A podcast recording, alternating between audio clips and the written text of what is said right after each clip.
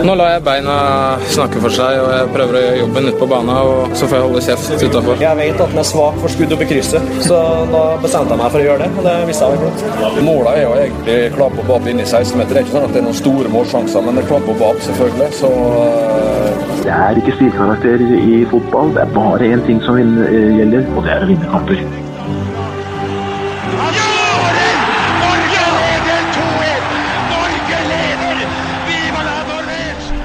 Og der er uh, toppfotball tilbake igjen. Og nå for uh, første Ikke for første gang, men uh, det er ganske lenge siden vi er alle fire samla i studio. Det er fantastisk.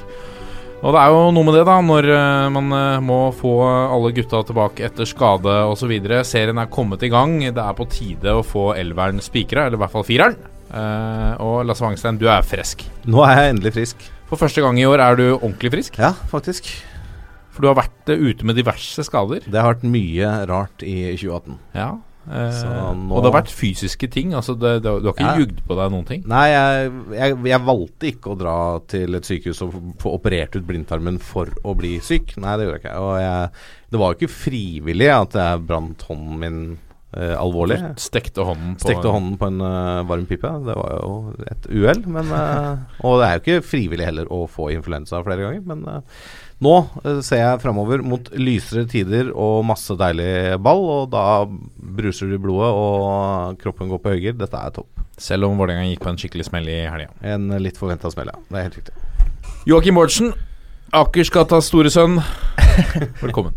jo, takk. Jeg vet ikke om jeg jeg er enig i den introduksjonen, men, men, hyggelig å være her. Ja, du høres jo ut som uh, du er fra Akersgata, sånn dialektmessig. Ja, ikke sant. Ja, ikke sant? Uh, Jørgen Kjernås, nå er det, det er veldig deilig å være alle fire i uh, dette studio. Uh, det, er, hyggelig. Ja, uh, Vi har jo en, en guest star i Håvard Lilleheie som stikker innom en gang innimellom. Er han satt på benken?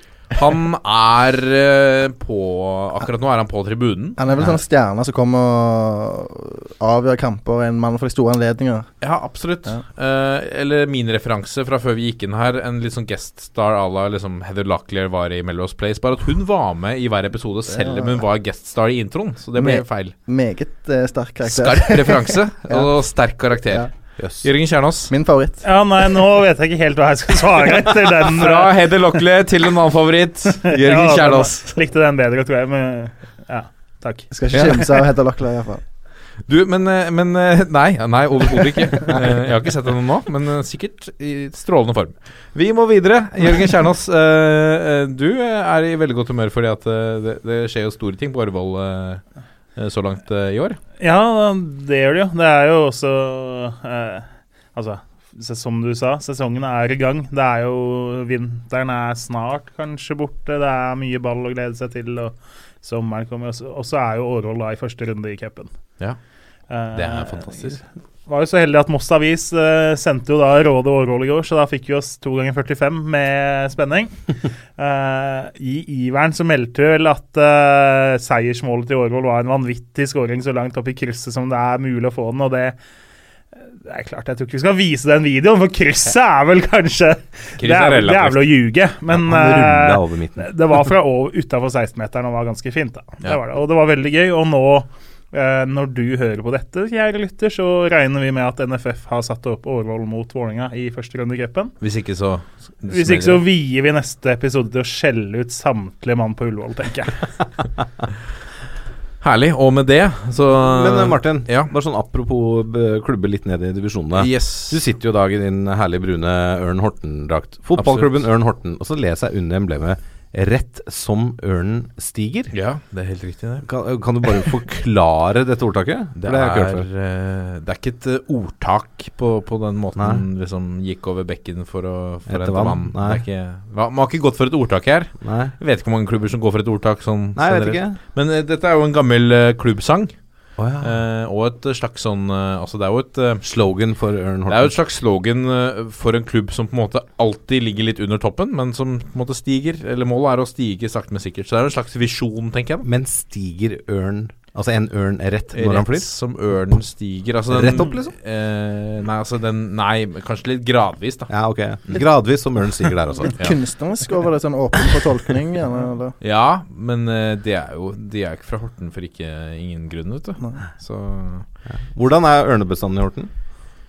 Ørnebestanden i Horten eh, eh, nå relativt lav, men i 1904, da klubben ble stifta, så ble den jo stifta fordi at man så en ørn som fløy over, eh, over eh, stadion, sies det. Da man lurte på hva klubben skulle hete. Og så sa en av hermene Se en ørn, karer! Ja, ørn skal bære navnet til vår kjære klubb. Men, Det er, flaks, eh, det er så flaks at det ikke var en musevåk. Ja, men ja. i nabotettstedet Borre, da, Falk En- Borre Borre er ikke noe tettsted. Borre er et, en plass. Et sted, liksom. Ja. Ja. Ok, så det er ikke et tettsted, det er et sted. Beklager. Ja, Eh, Ja. Uansett, Falk, de så en falk der, det. Uh, nei, nei, Falk uh, Altså, Falk eh, har vi ikke så mye til overs for. Men uh, Falk tok Og- vel navnet Falk fordi at de, eh, ørnen var tatt, sikkert. Og Eik Tønsberg så en eik, eller? Nei. Hva, hva de driver med i Tønsberg. For ikke snakke om Brann og. Viking, hva de har sett. Nei, nei, nei, det er mye. Eh, Det er så flaks at de gutta i Horten ser dårlig, for det hadde vært kjipt å kalle det for fotballklubben Måke. FK Måke. FK Måke Horten. Helt, nei, eh, nå er dere tullete. Men, men de er veldig glad i, i fuglenavn i Horten. De har, eh, vi har både Grib eh, og Hauk. Oh, er Hauk er også et lag. Ja. Eh, og så hadde, hadde vi faktisk et, en klubb som het Hat. Hat. Horten, eh, Horten Aktive Trimklubb, eller noe annet. Ja. Eh, de het Hat, og det var veldig betegnende. De varma opp med sigg i kjeften. Ja. Eh, Vi hadde jo et lag i. Oslo også, som het Østlandskameratene, også forkorta til Ølkam. Ja, de har jeg møtt i serien for Kristiania. Mm. Uh, ok. Dette ble bredt. Dette ble veldig bredt, men det er deilig å starte litt bredt, da. Ja, ja, fint det. Vi, eh, I dagens sending så skal vi selvfølgelig innom rundens øyeblikk. Eh, det brer seg vel helt fra eh, La meg tippe at det brer seg helt fra NM Qualic helt opp til Eliteserien. Eh, I pulsen skal vi kikke nærmere på, på de siste overgangene som nå ble landet i eh, går, da vinduet ble lukket. Eh, vi skal innom en skikkelig gladnyhet. Kanskje årets eh, beste nyhet, uten å avsløre noe mer enn det. Bare gled dere til pulsen. Nå er jeg spent. Ja, eh, det, dette er en kiosk, kioskvelter. Oi, oi, ja, ja, det kan jeg, skal jeg bare melde. Og vi skal snakke, må snakke litt om NM-kvaliken, Kjernas. Men skal vi selvfølgelig vie en del tid her til 2. divisjon, Post Nord-ligaen, som sparkes i gang med første kamp nå i helgen. Eh, eller på mandag. Nest- Mandag, ja, unnskyld. Mandag, eh, første kamp. 9. april. En nydelig dato. Eh, Nå, ikke. u uten noen referanser til 70 år tilbake, si. Ja, forferdelig. Eh, og på slutten av sendingen skal vi selvfølgelig se nærmere på neste eliteserierunde. Jeg tror, jeg Eh, tror vi bare må si med en gang at vi spiller inn veldig sent i dag, Ja. eh, på torsdag. Eh, det kan hende vi er overtrøtte. Men du merker, eller jeg merker, du blir litt uh, rørete av eh, Har begynt å surre litt? Ikke surre, men du nei. Jeg syns det er bra, Ja, bra energi ja, her nå, da. ja, trøkk. Ja. Bra Hold trøkket oppe. Det La har oss vært en lang dag, det har vært en lang dag, det er det jeg Ja, prøver å si. ja. Men uh, kjør. Og dere har jo vært på VG, VGTV og, og prata Vi har jo Stjernas uh, stjerne. Vi har jo babla ball eh, tidligere i dag òg, så vi skal prøve å ikke gjenta oss selv for mye, selv om temaet er det samme. Så Ja. må vi jo innom noen hovedpunkter, men Du eh, har selvfølgelig spart all kruttet til ja, du skal vel kunne se både VGTV om andredivisjon og høre denne episoden om andredivisjon uten å føle, føle at det er reprise, da. Det Ja. er, målet vårt i dag. La oss håpe det. Uh, hvis ikke, så kanskje vi får høre det i ratings, f.eks. Det kan hende. Skal vi ta noen ratings? Det har kommet tre siden sist. Det, er det kommet tre? Ja. Nydelig. ja, vi har en uh, femstjerner eh, som har overskriften 'Herlig podkast'. Det lover bra. Selv om karene er superpessimister angående Sandefjord, klarer det ikke å ødelegge det faktum at det er en strålende podkast med strålende panel og strålende stikk. Det gledes til hver episode. Hilsen Jørn, programleder i SF-podden. Ja, meget bra Meget bra klubbpod, ja. Helt riktig. Og så har vi en fra Ost69. Han gir oss tre stjerner og har overskriften 'Informativt'. Jeg liker podkasten veldig godt. Der dere har mange gode og informative samtaler og diskusjoner om norsk fotball. Det eneste jeg syns er at det blir litt for mye breddesnakk. Det blir for ganske tamt og kjedelig, og jeg tar meg selv i å skippe over de sekvensene. Ellers er jeg veldig fornøyd. Ja, Da må du skippe bli- litt i dag. Ja, men uh, andredivisjon er eh, toppfotball per def. Ja, jo, det er sant. Det er det. Det er faktisk sant. Ja. Kristoffer Kristoffer Aasvik har, uh, Ja. sier, uh, gir oss en Legenden. femstjerner. Kjenner du hun? Ja, ja, jeg kjenner han. Ja, da, det, vi, tror ikke vi kaller folk legende uten å ane hvem det er. Men Nei, nei, men han er fra Horten, han. ja, han Ja. skriver flott at noen tar norsk ball på alvor. Har ikke gjort det selv på mange år. Tar utfordringer fra Martin Sjøblom Roppestad. Det mener meg, det. Ga meg på en fest i hermetegn og skal følge med i år. Målet er å få OK pluss kjennskap til en del lag og spillere, og fem pluss matcher på stadion. Fortsett med det gode arbeidet med å ta norsk ball på alvor. Hør, hør. Flere må gjøre som Kristoffer Aasvik. Og ta norsk ball på alvor, ja. Ja, og Ja. ta oppfordringen på reunion som han fikk av meg. Vi møtte han på reunion for Ja. noen uker siden. Ungdomsskole, videregående Ungdomsskole. Eh, kun klassen. Eh, så det var 16 stykker i et lokale som tok ca. 80. Men det var veldig hyggelig for det. Hvor mange år snakker vi om her? Eh, siden ungdomsskolen. Ja. Eh, uff, hvor mye er det, da? Du vet jo hva er type rune det var? like du gamle? ikke? 2000 og, Nei, nei, det var ikke noe rundt året engang. Nei, Det var sånn det er 16 bare vi samme- møtes. Er- Du er 86-modell? Ja. Veldig, 2002 slutta vi på ungdomsskolen. da ja. men veldig bra 16, samhold. 16 år, da. Veldig bra samhold i den klassen, siden dere bare kjører tilfeldig reunion. Ja, De var 16 ja. stykker, det var 16 år siden. Vi, ja. Det er riktig. Så vi leste opp gamle anmerkninger Du, Du, du bare møtte opp, du. Jeg møtte opp. Jeg var en av de. Gamle anmerkninger, det er bra. Ja, det var veldig bra. Jeg hadde ganske mange sjøl, så oh, ja, du var en av de? Nja, jeg var Jeg var ikke, var ikke stygg på noen måte, men uh, jeg hadde mye energi. Ja. Mm. Mobbe-Frans? Nei. Nei, nei, nei, ikke, ikke sånn, men uh, Sånn driver vi ikke lik, likte å prate, vet du. Sant? Ja. Så Ja, irriterte læreren litt med at jeg hadde mange, mange, mange spørsmål, vet du. Sant? Hvorfor det, hvorfor det? sant? Lærer, lærer, Ja. lærer. Ja. Meget bra. Dette skal bli, en, en innholdsrik sending, eh, merker jeg nå. Dette er toppfotball. Og da er vi kommet til rundens øyeblikk. Jeg begynner å bli mer og mer glad i denne spalten. her Jeg spalte. trekker fram noen høydepunkt. Eh, hvor, eh, hvor langt ned eh, i eh, systemet skal vi nå, Kjernås? Er vi, ja, det er egentlig et godt spørsmål. Vi skal dessverre bare til fjerdedivisjon. Vi burde vært lenger ned. Uh, det er som så at Fjerdedivisjon har jo begynt eh, en del steder i landet denne uka. Eh, I Vestfold så har bl.a. Fram Larvik funnet ut at de skal ha annet lag i år. De har søkt seg til fjerdedivisjon, mente at det er et passende nivå for dem. Starta i dag borte mot Tønsberg FK. Må ikke forveksles med FK Tønsberg. Eh, eh, spilte da kamp. Eh, kampen er ferdig. Noen som har lyst til å gjette resultat? 0-13. 1-9. Den er vanskelig eh, 7-7. Eh, Fram Larvik 2 stilte med sportslig leder, en annen veteran og en haug 16-åringer. Tapte 20-0. Eh, det er jo litt sånn vi kan le av. Jeg blir litt forbanna. For da, altså, Du melder ikke på annetlaget ditt i fjerdedivisjon hvis du skal bruke en gjeng 16-åringer og tape 20-0 for et lag som i best fall er fjerde-femteplass på tabellen. Det, eh, det syns jeg er dårlig gjort mot disse 16-åringene. Jeg syns det er dårlig gjort mot fjerdedivisjonslaga. Eh, da, ja, ja. Det, for de som ikke liker andrelagene i eh, divisjonssystemet, Seriesystemet, ja. seriesystemet, så er ikke akkurat det her en lovende start på sesongen. da. Vi håper tenker det kan egentlig gå én vei for andrelagene fra denne kampen og ut året. Herlig å få litt slakt inn i denne spalten òg, Ja, umiddelbart. Trenger det, altså. Trenger det. Ja, ja det, var, det var frest. Men jeg ser, jo på PC-en din, det står 20-0. 20-0. Jeg fikk en melding her om at det var snakk om 20-0, og nå står det på fotball.no. Hvem eh, Få høre hvem er som scorer. Har du noe scoring? eh, Nei, målet, målet er ikke på plass. inn, vet du. Det er for dårlig. Nei, Det kommer litt an på hvor ivrig klubba og noen dommere er. Men sånn. du som uh, oddsmann, hva hadde oddsen vært på minus eh, 19 der i handikap? Nei, den uh, Jeg tror vi skulle slite med å ha fått den. Altså, 20-0-seire har vi jo ikke mange av uh, i løpet av året. I seriesystemet?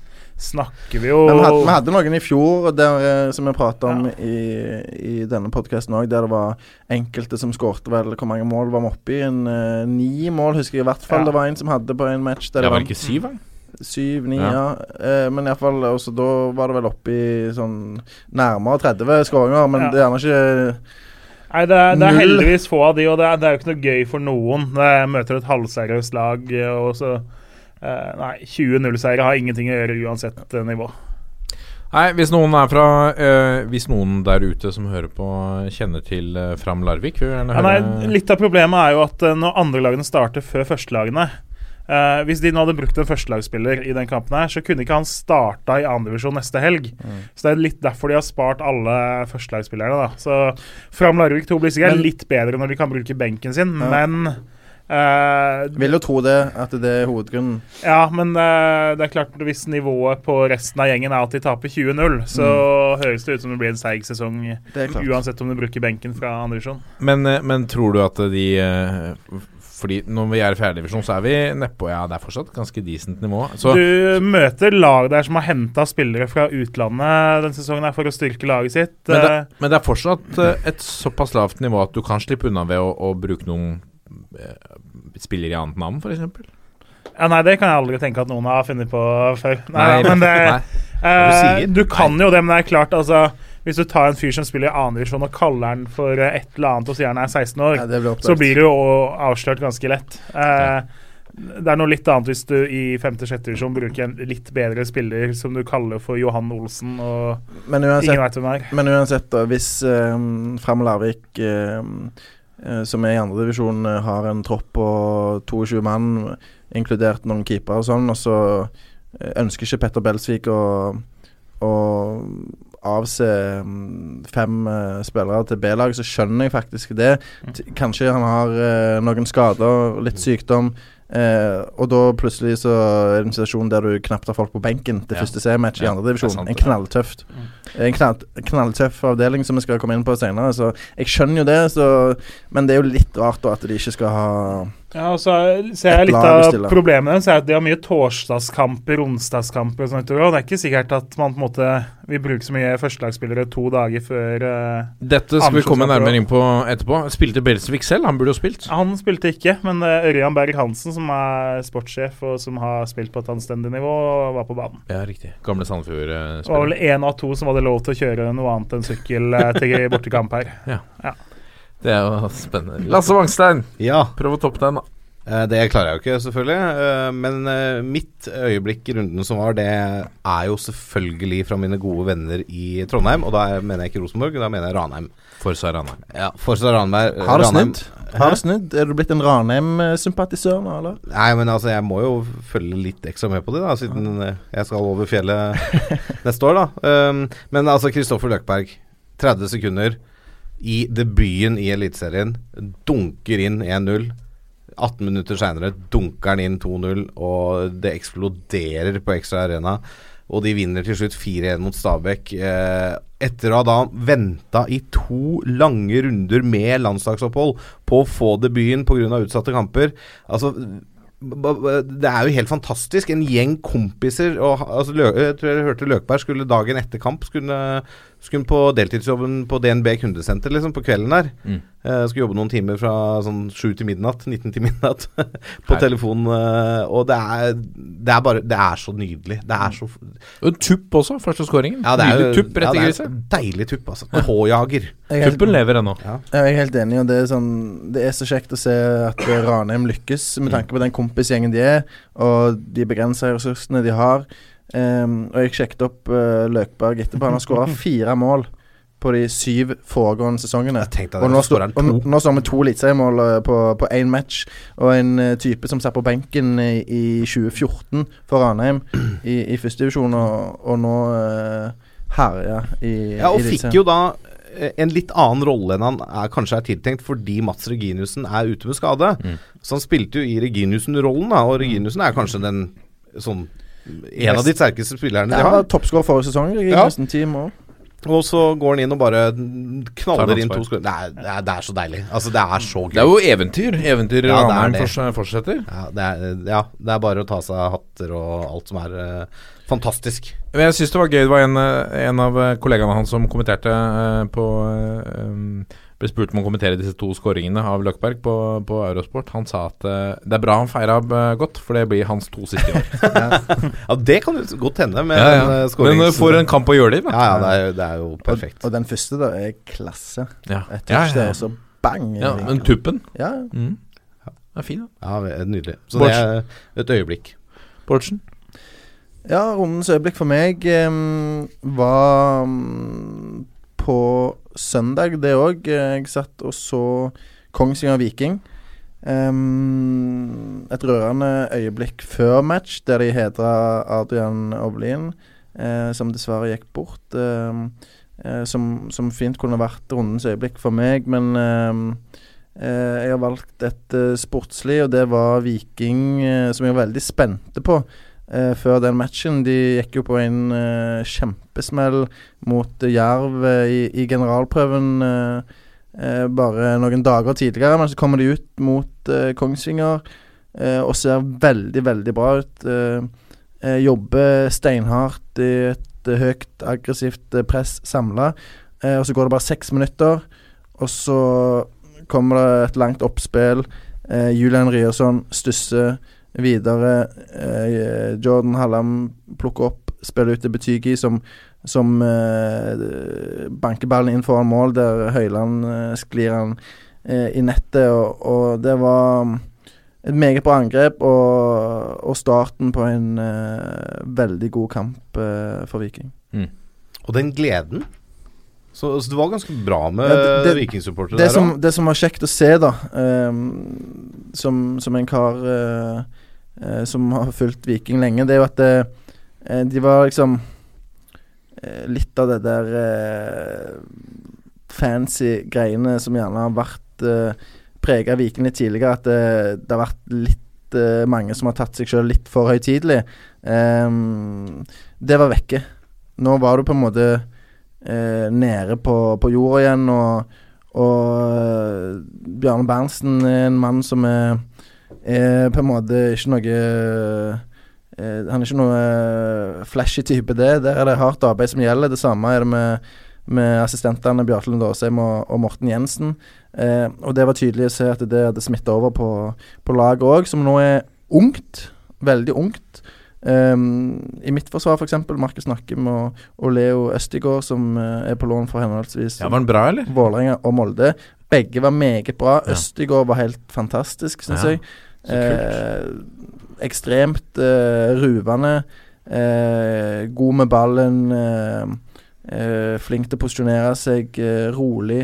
Eh, og en eh, eh, veldig god stopper. eh, I ordets rette forstand, så, så han blir spennende å følge med videre. Begge er jo bare på lån fram til sommeren. Da. Det er jo Jeg nakker med hele sesongen. Det er ikke om hele sesongen, men Østigård øh, er det sommeren, og det er på en måte utfordringen hvis de mister han, øh, hvordan de skal erstatte han eventuelt. Håper han øh, kan bli hele sesongen, han òg. men ellers òg så var det egentlig gode prestasjoner over hele linja i Viking. Veldig eh, gøy å høre at det er entusiasme der nede. Um, Og nå, for å ta det da, i forlengelsen av, av dette her, så eh, møter de Mjøndalen i eh, TV-senterkampen på tirsdag, som kommer på en stadion med et nytt navn. Det blir da altså ikke lenger Viking stadion, men SR Bank Arena. Hva syns dere om det? SA Bank. SR Bank Arena. SR Bank Arena. SR Bank. Det er ikke det verste vi har hørt, men De, to, de eh, tok jo imot 15 millioner fra SR Bank eh, i, i desember eh, for å slette gjeld og legge kunstgras på, på stadion og på treningsfeltet, så det, de hadde ikke så mye valg der. Jeg synes det er helt greit. Ja, og da ga de fra seg rettighetene til stadionnavnet, og nå har SR Bank valgt å benytte seg av muligheten til å til å eh, gjøre den stadion til sin egen, for å si det sånn. Det er ikke alle som er så heldige at de kan ha et sponsornavn som egentlig funker ganske godt. Altså det. På Sør Arena. Ja, ja. Eh, ikke sant? Den funker jo Ja. SR Bank Arena, jeg tror det, tror det er greit. Det er ikke, det er ikke mye som, som om Stavanger der, men du har DNB Arena, som er Stavanger Oilers sin eh, stadion, og det, det er Men- akseptert og funker. Eneste jeg egentlig lurer litt på, er hvorfor kaller vi det arena og ikke stadion?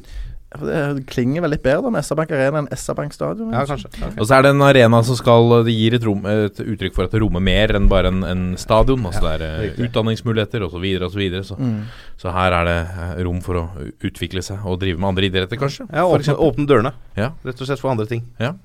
Ehm, vi vinker eh, til et fotballuka som spilte inn rett før oss. De forsvinner ut av studiet. Ha det, gutter! Ha det! Og det må jo sies at selv om det er gøy å spille inn podkast, det gjorde jo ikke noe med litt frisk luft inne Nei, dette de rommet etter at det har vært spilt inn podkast her hele dagen. Ja. Det, Det var lurt. Det kjennes. Jeg skal ta rundens øyeblikk fra min side. Eh, det er, eh, eller rundens eh, kanskje mann. Eh, han har vært tålmodig. Eh, nå fikk han det til. Eh, Pontus Engblom.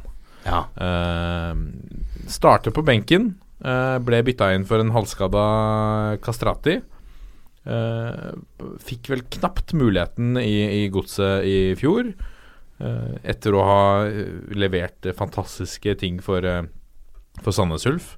Nå kommer han inn og, og er Altså er med på å snu dette for Sandefjord. Og hadde ikke vært for han, så hadde de mest sannsynlig ikke snudd det. Sånn, jeg ser på det. Selv om Sandefjord-laget gjorde en, en strålende kamp mot Start. I hvert fall en strålende andreomgang. Men å se han sette inn den eh, 2-1-skåringen, og ikke minst se han sette eh, inn Var det ikke 3-1, eller var det 4-1? 4-1 var det nok, ja. Eh, hvor han eh, plukker ballen først fra, fra mm, Simon Larsen, eh, og er iskald. Tar seg god tid. Stresser, stresser ned. Altså ser dette er en mann som Han har skåra så mye mål, og han vet akkurat hva han skal gjøre det. Han eh, går litt til siden. Han vet at Håkon Oppdal er ikke verdens beste keeper, så han bruker litt tid og setter den i bortre hjørne. Eh, og det, altså- det unnet jeg Pontus Engblom virkelig, altså. For at, eh, han, for hans del også, å kunne bevise at se her, jeg er, kan fortsatt putte mål på nivå. Og jeg kan putte mål i Eliteserien. Ja. Så en, eh, en stor kudos til Engblom. Og uh, et, uh, må vi passe på å hylle når uh, Sandefjord gjorde det bra, i og med at vi har snakket veldig Veldig mye Ikke negativt, men vi har hatt lite troa på det Ja. før sesongen. En overraskende seier, eh, men en ekstremt viktig seier. Mm. Eh, viktig. Så den, den, den betyr mye, og det er sterkt av Engblom, eh, ikke minst mentalt, etter, etter over et år med motgang og, og vise en så stor ro eh, når han først får muligheten. Ja. Og så er det jo ikke Det er ikke sikkert at han får starte veldig mange kamper i Sandefjord heller, for Kastrati er nok førstevalget. Men jeg liker det Kastrati sier etter kampen. Han sier at «Nå, jeg skal ut der og mørne Forsvaret i 60-70 minutter, så kan Pontus komme inn og skåre et par mål. Ja. Det er helt nydelig. Ja, Ja, men jeg, tror, ikke- jeg, tror, ikke Kastrati skal gå veldig mange kamper uten skåringer før Engblom er, er i den starten. nei, ja, det er sant. Det er sant. Og Engblom var jo perfekt å kaste innpå der mot et litt seigt uh, forsvar, som ikke bare fordi Kastrati har mørna dem, men som også mangler litt tempo. Det, Og mot et lag som står litt høyt. Ikke sant, Så det var jo en drømmekamp å egentlig kunne dytte inn på han, og Start var veldig naiv og eh, kasta litt for mange mann fram òg. Så tenk så deilig for Magnus Powell òg. Mm. Eh, hatt en Ja, ja. tung vinter. Alle, ikke bare oss, har tippa dem ned. Eh, Får bank i Molde i første match, og så skjer dette. Det er Ja, men det er jo på en måte et varsko til mm, Det er gjerne litt drøyt å kalle det det så tidlig, men likevel, det er ikke positivt for eh, de eh, litt større klubbene som eh, eh, er redde for å havne i nedrykksstriden, at både Ranheim og Sandefjord tar tre poeng. Mm. sant? Eh, eh, for lag som eh, Stabæk, eh, Kristiansund, Lillestrøm gjerne nå. Bodø-Glimt. Bodø-Glimt, eh, sant? Tromsø liksom det Odd. Ja, Odd ikke minst. Sant? De, de fleste lagene har- er kommet i gang. Men det er jo eh, Det forteller jo også litt hvor jevn denne eliteserien egentlig er. Mm. Og hvor lite som skal til eh, mellom seier og tap. da Altså det eh, Alle kan egentlig slå alle her. Altså Du nevnte Kristiansund. De var ikke veldig langt unna å slå Rosenborg på Lerkendal. Eh, og, det, og det er et lag som vi har tippa ganske langt ned mot det laget vi har tippet som seriemester. Så det er, det er jevnt og tett, og du må være på i 90 minutter. Og du, må, du kan ikke slippe deg ned i Eliteserien. Altså, da får du maling. Ja. Hva får du, sa du? Får du maling? Jeg òg reagerte på det, men jeg tenkte ikke jeg skulle si noe. Du Blir mala i stykker.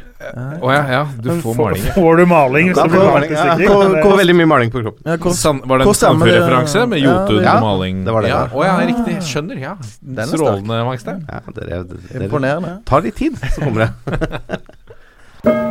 Nå kommer pulsen. Og Da har vi kommet til pulsen, og vi begynner uh, pulsen med uh, overgangsvinduet. Og Vi har jo selvfølgelig snakket om, om forsterkningene som har kommet, og svekkelsene som har kommet uh, så langt i, i, i år. Men, Kan men, du bare kjapt uh, ramse opp et par spillere du mener har svekka laget å gå til?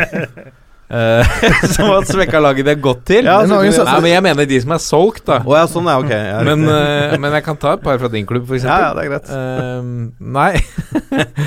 nei, nå tenker jeg på disse overgangene nå som kom siste dagen. Oh, ja, du tenker kom- sånn at Sogndal ble svekka fordi at de måtte selge Even Det var litt mer det jeg til. Rosenborg på siste dag, ja. Ja. Jeg skjønner. Men hvis noen har noen de mener er en svekkelse, så er det veldig interessant, da. Ja, det er bare å se med Er- andre øyne på det. Eh, eh, la oss begynne i, i Trondheim, da. Mm. Eh, kjøper de seg ut av en dårlig form der nå, i, på Lerkendal? det Ja, det virker eh, som det er et snev av desperasjon.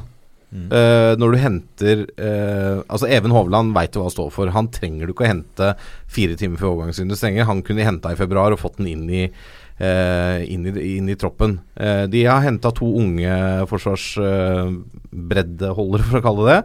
Og så har du Rasmussen, som da tydeligvis ikke har funka så godt som de vil. Så det er jo helt klart at det blir Reginiussen og Hovland som skal være stoppeparet i eh, Trondheim. Eh, så jeg tror det er litt sånn Det ryktes vel at de har brukt ganske mange millioner på han. Eh, og det ble, gikk jo også rykte på at de slang 20 millioner på bordet for å hente Stephen Corker fra Dundee United i Skottland. En tidligere QPR, eh, Cardiff, Swansea, Liverpool. Liverpool Ja, de, Tottenham-variant. og de la jo inn bud. Det De bekreftet jo ja. Dundee. ja, de, Dundee Men de som hevdet at uh, Stephen Cocker var i Trondheim, de tror jeg hadde tatt Ja, for han seg spilte kamp. kaffekopp for Ja, men, men den de har ikke bekrefta hvilken klubb det var snakk om. De sa var bare en skandinavisk klubb, og da tenkte folk OK, er det, er det. det, Danske vinduet var stengt, Rosenborg, så- er det Malmö? Sånt. Ja.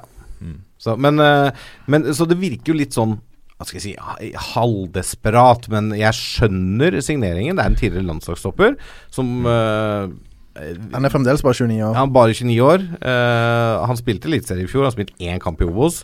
Uh, så, han, jeg tror han er en bra signering, altså. Men det, altså Han var grusom i høst, da, men da var han jo kamprusten. Eh, så bedre ut da han spilte mot Ålesund nå på tirsdag. Eh, jeg tror at for Rosenborg, i hvert fall for mange supportere, men også for klubben, så sitter det litt langt inne at de nå faktisk har henta to spillere som har Jim Solbakken som agent. Eh, det er ikke alle supportere som har vært begeistra for hans forhold til Molde og eh, påstander om å sitte på mange sider av bordet i noen overganger, som Jossimar bl.a. har skrevet om. Eh, han har ikke hatt noe høy stjerne i Trondheim, så det sier også litt egentlig at de eh, etter å ha unngått han litt bevisst eller ubevisst i en del overgangsvinduer, henter to av hans spillere i de siste timene nå. Men Grunnen til at han ikke har solgt eh, så mange spillere til Rosenborg, er vel i hovedsak at han er bestekompis med Ole Gunnar Solskjær. Og de spillerne som er aktuelle for Rosenborg, er da òg aktuelle for Molde eh, som regel. Og da har på en måte Molde hatt eh, forkjøpsrett på de. Eh, men det er klart at det kan ha irritert Rosenborg eh, eh, ved enkelte eh, ganger. men når, det, når det gjelder Even Hovland og Rafik Siknini, så Jeg kaller det gjerne desperasjon, men det er jo sånn Rosenborg Det er jo kvalitet. Ja, Rosenborg har så mye penger, og de tenker OK, her har vi muligheten å hente to spillere til, som styrker troppen. Om ikke de styrker elveren umiddelbart, så styrker de troppen. Hvorfor ikke? Ja. Det, det er jo bare det å gjøre. De pengene har de. Um, så jeg syns det er fornuftig at de henter de to. Uh, begge er det jo et spørsmålstegn over. Uh, gjerne størst rundt Rafik Seknini, som eh, ikke har spilt eh, særlig mye eh, førstelagsfotball eh, i Fiorentina. Det er vel bare noen treningskamper der. Hatt en bra treningshverdag, da. Ja, det er mulig. det er mulig, ja Men eh, Så jeg er spent på om han eh, hvor mye spiltid han får. Han er bare på lån fram til sommeren. Og Jan Erik Delanlé er en type som eh, tidligere har vist stor tillit, og som sjøl har vist at han har et meget høyt nivå inne. Eh, dessverre så har det vært veldig mange skader som har uh, hindra han fra å ta gjerne det siste steget. Da han var Viking, så var han jo eh, Gikk det rykter om at Renn blant andre i Frankrike var interessert i å hente han, og han herja noe voldsomt eh, eh, for Viking eh, i et par sesonger og sånn. Men så røyk han korsbåndet i Trondheim, ehm, og, og på en måte nå gjerne ikke anerkjent eh, som den gode spilleren han er. Men det er en mann som jeg har tro på. Og så har du jo Jonathan Levi i bakhånd, som kommer inn på mot eh, Odd. Òg en spennende type. Gjerne ikke eh, en Rosenborg-type i utgangspunktet.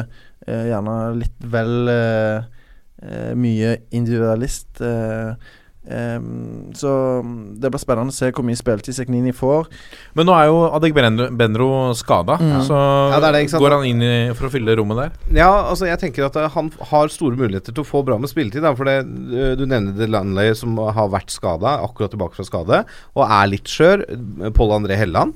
Uh, han har jo en skadehistorikk. Adek Benro er ute i fire-fem uker, og Levi er et ubeskrevet blad. Så sånn for dekningen og bredden på kantposisjon, så kan det godt hende at han plutselig får masse spilletid. Ja, og da er det jo òg et veldig fornuftig lån av eh, Rosenborg. eh, Og det samme gjelder Hovland, som eh, eh, kom inn eh, på et område der Rosenborg har vært tynt besatt etter at eh, Jørgen Skjelvik og Johan Lærde Bjørdal forsvant ut i, i vinter. Så det er òg en sånn helt logisk signering for meg. Ja så blir det spennende å se om eh, Jakob, Jakob Rasmussen eh, stepper opp nå med, med konkurranse. Eh, det kommer til å stå mellom de to. Eh, så blir det veldig spennende å se om Hovland går rett inn i midtforsvaret mot gamleklubben Molde, der han var kaptein og vant serien og cupen eh, i perioden 2012 til 2014, og, og se hvordan eh, Molde-sporterne tar imot han på søndag. Han har jo uttalt i dag til rbk.no at det har alltid vært en drøm å spille for Rosenborg. Ja. Det stikker jo litt, eh, litt lenger Det- sør i landet. Ja, jeg skulle tro det. Skulle tro det. Det er Men- med på å bygge men- opp eh, rundt oppgjøret. opp-. Men jeg er helt enig uh, her med Joakim at uh, det er fornuftige signeringer. Det jeg mener med desperasjon, er når det skjer. Det skjer så sent. Og jeg er i utgangspunktet ikke sånn kjempefan av alle disse overgangene på det siste dagen av vinduet, for sesongen er i gang. Du har hatt tre måneder med oppkjøring bak deg. Du, du kommer rett inn i et nytt lag, og det tar gjerne litt tid å finne plassen din Men er det ikke litt sånn at, at eh, altså, spillerne vil alltid Man vil alltid se andre typer prestasjoner og resultater i oppkjøringskamper, og det er forskjell på treningskamp og seriekamp. Men det handler jo litt om å bygge relasjoner, da. Ja, men så, ja, ja det, det ser jeg, men så ser du Så vil hele laget vil framstå på en helt annen måte i en treningskamp, og du spiller gjerne ikke så mange treningskamper mot Mm. eliteseriemotstand. Og så ser man Man had, trodde kanskje man hadde alle svarene på blokka før seriestart, og så går de på smell. Men jeg- smell på ja, smell. Men jeg, men jeg går ut fra at Rosenborg har uh, jakta en eh, midtstopper uh, i hele vinter. Ja. Uh, men så er det jo Ulike Det er jo taktisk av Sogndal også, å vente med. Ja, det kan du si, men jeg vet ikke hvor lenge de forhandlingene har pågått. Sannsynligvis så Telefonen ringte etter kampen mot ja, Ålesund på tirsdag. sannsynligvis så skjedde dette her Jo, men det, det er ikke tull. Sannsynligvis skjedde dette her veldig raskt. Mm. Stigen Bjørneby uttalte jo sjøl til Eurosport at eh, eh, den kampen hjalp. Den prestasjonen til Even Hovland mot Ålesund på tirsdag, den hjalp. Eh, det forteller jo litt. Mm. Det bikka det gjerne i, i uh, favør en Ja, overgang. Det- Men, men, ja, men de har, de har jakta en stopper lenge. Eh, det har vært snakk om Karamoko som gikk til Haugesund fra Sant igjen. Um, um, så Hovland har gjerne vært litt ned på lista. Men så ser de nå OK, vi må ha han som stopper eh, før vinduet stenger. Han er tilgjengelig. Da kjøre med han. Ja, vi må gå videre også til Vi må Ja, nei, jeg tenkte bare jeg skulle slenge det. Det ble hevda at Even Hovland dro faktisk til Gardermoen, ble det sagt i går tidlig, eh, for å være klar i tilfelle han skulle slenge seg på noe fly. Så han har fått eh, testa din flotte flyplass, eh, Lasse, ja, meget godt, og brukt eh, sikkert både Ja, toalettfasiliteter og serveringstilbud. Men- eh, Det er godt. Vi hør- mi. Vi hørte jo litt om Vi hørte jo litt om dette her i VG i, i går ganske tidlig på dagen eh, og, og sjekket litt ut og fant ut at han Han var jo ikke på trening i, i Sogndal, um, men det var det var ikke mange andre enn lederen der, for å si det sånn, som, som visste noe. Så dette her har jo Så han tipsa dere om det. Hæ?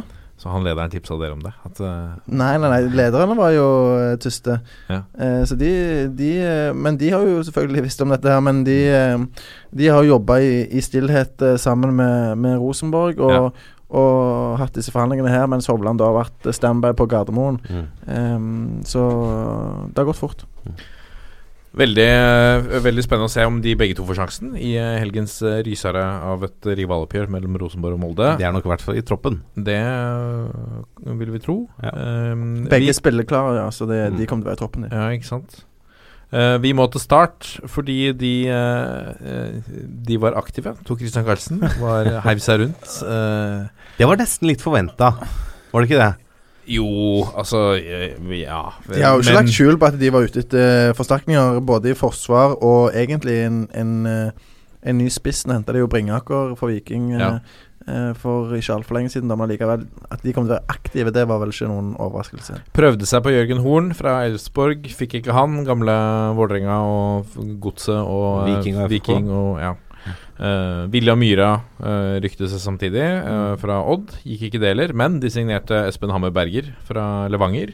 eh, kapteinen. Har du noe inngående kjennskap til han? eh, Ja, jeg syns han er en si, jevnt god, trygg eh, stopper. Det er ikke noe sånn Han er ikke noe utprega ditt eller datt. Det er liksom ikke en superkjapp eller supersvær fyr, men altså Jevnt over allround bra stopper, da. Eh, på, I hvert fall på Obos-nivå. Så Eh, spennende å se han eh, høyere opp. Han er en av de som kan si at fortjener sjansen. Nesten samme som Eirik Vollen Steen som gikk til Glimt. Eh, to gode Obo-stoppere, så får vi se hva de gjør. Og der ble jo Henrik Ropstad skada etter en veldig god eh, match i serieåpningen eh, mot Tromsø, som stopper. eh, I skadefravær eller eh, Ja, i fraværet til Det var vel gjerne sykdom til Damien Love. Eh, så med han ute med skade, så, så måtte de òg gjøre en jobb eh, på overgangsvinduets siste dag. Og så henter jo da også Start Niklas Sandberg, da. Mm. Som eh, vi vel egentlig trodde i høst at det skulle finne seg en eliteserieklubb ganske kjapt, etter de prestasjonene han hadde i Ullkisa i fjor. Han var jo fantastisk. Eh, var det ti mål og elleve sist, eller noe sånt? Eh, og det, er, det lar seg høre også på Obos-nivå, altså. Og det- som midtbanespiller. Ja, og jeg er litt glad på Niklas eh, Sandberg sine vegne, en tidligere Sandnes Ulf-spiller, eh, for at han har funnet seg start. Det tror jeg er en veldig god match. Eh, med Mark Dempsey der som ønsker å spille en ballbesittende, eh, hurtig angrepsfotball. Og, og en trener som verdsetter teknikere og så, så det tror jeg kan passe Niklas Sandberg veldig bra. Jeg eh, ser ikke bort ifra at han gjerne tar den høyre indreløperrollen som Isak eh, Tjom har hatt eh, så langt. Og Kasper Skånes, da, Mm. som uh, henta fra banen. Litt uventa, da de, bergenserne det- gikk ut og hevdet at det, han skal ingen steder. Nei, De har jo prøvd på han hele vinteren, så sånn sett så er jo det venta. Men eh, at det skulle skje helt på slutten, da, det handla vel mest om kroner og øre. Eh, så har jo Skånes meldt veldig lenge at han vil ikke skrive kontrakt videre etter at den går ut Egentlig gikk ut eh, eh, etter årets sesong. Så Brann har jo på en måte vært nødt til å selge han nå hvis de skulle ha igjen eh, mer enn noe glansbilde for han. Eh, jeg tenker nok at en del i Bergen som gjerne vil se sine lokale helter, skulle ønske at Skånes eh, var en mann som spilte fast på Brann. For han, jeg, jeg liker spillertypen veldig godt. Eh, Brann har ikke så veldig mange lokale som de har dratt fram eh, fra egen stall de siste årene. Eh, så det er litt sånn Det er leit å måtte sende fra seg en av sine egne, men sånn rent businessmessig så gjorde Brann en bra avtale i går. Ja, De ville vel unngå også å havne i den situasjonen som de var i rundt Fredrik Haugen, som var usikkerhet rundt lenge før han signerte en ny kontrakt. Men det, der var det jo sånn Ja, hva skjer? Og så ja, og er Kasper Skånes eh, ikke av samme kaliber som Fredrik Haugen heller, så jeg hadde ikke fått eh, eh, noe spesielt penger for han i Eller til sommeren. Um, så, så jeg forstår at de slipper han, og de har jo fremdeles uh, typer som uh, Bermen, Haugen, Skålvik, som er lokale. Um, så Grønner, hvis han spiller. Men um, så er jo spørsmålet hva for Start her, da, i Kasper Skånes. Han kom jo mest sannsynlig ta en kantrolle. Gjerne er det Sigurdarsson som eh, eh, står mest i fare for å ryke ut. Eh, tipper Kabane er nokså sikker på den andre kanten. Han kan òg spille indreløper, så eh, det er jo en anvendelig, hardtarbeidende spiller eh, Start for. Ja. Og så har eh, FK Haugesund eh, sendt eh, Ibrahim på lån til Kongsvinger og hentet De, de holdt jo på Holdt det gående på Twitter, Haugesund, med bilder av faksmaskiner og det ene med det Ja, andre. deilig. Jeg liker når Ja, byr litt på seg sjøl. jeg syns det var Sånn, gøy. altså. Friskt. Men det, det er en meget god signering, tror jeg, av Kongsvinger. Eh, og det er egentlig en mann som jeg tenkte sånn OK, kunne Viking vært på banen her? Mm. Burde ikke de hente han? Jeg tror han kan uh, skåre mange mål i første divisjon. Men de hentet Erin Pin Pinheiro, som omtales uh, Han hentet fra, på lån fra Sandet igjen. Mm. Uh, omtales en, som en, en fysisk sterk øh, 20-årig midtbanespiller. Ja, det er jo en fyr som vil ha spilt et par A-kamp for Sandet igjen, så det er jo lignende som kan skryte av å ha sett han mye. Men det, de har jo da tydeligvis fått en link inn til Santet igjen, da. Og, Det er jo Alexander Søderlund som er den linken. ja, uh, og det er jo litt interessant. Jeg så Søderlund var vel ute og mente dette var en bra signering òg, så eh, ukjent De har en bra dekket opp midtbanen, og selv med Bruno Leite ute, så er det mye alternativer på den midtbanen. Men det er jo en mann på 1,90 hvis jeg ikke tar helt feil, så de får jo uh, en uh, En mann eh, som vil vise igjen, eh, i hvert fall. Ja. Så er det jo sånn FK Haugesund har jo henta litt sånne type spillere før. Litt sånn ubeskrevne blad for oss her oppe på berget, som har vist seg å være bra signeringer. Så de har jo kontroll på noen markeder som ikke mannen i gata har kontroll på. Mm. Det har de vist før, så det, jeg har trua på det her, ja, altså for Haugesund del. Bortsett fra det, så er det noe du vil trekke fram, eh, Jeg likte veldig godt at Martin Lundahl havna i Kongsvinger. Eh, etter at Adrian Olien jo dessverre døde, så har jo Kongsvinger vært nødt til å hente en midtstopper, fordi de har vært veldig tynne på midtstopperplass nå. Eh, Martin Lundahl har vært i RBK-systemet, er en god spillende midtstopper. Eh, strålende i Nardo sist sesong, så Kongsvinger har henta en spennende mann der.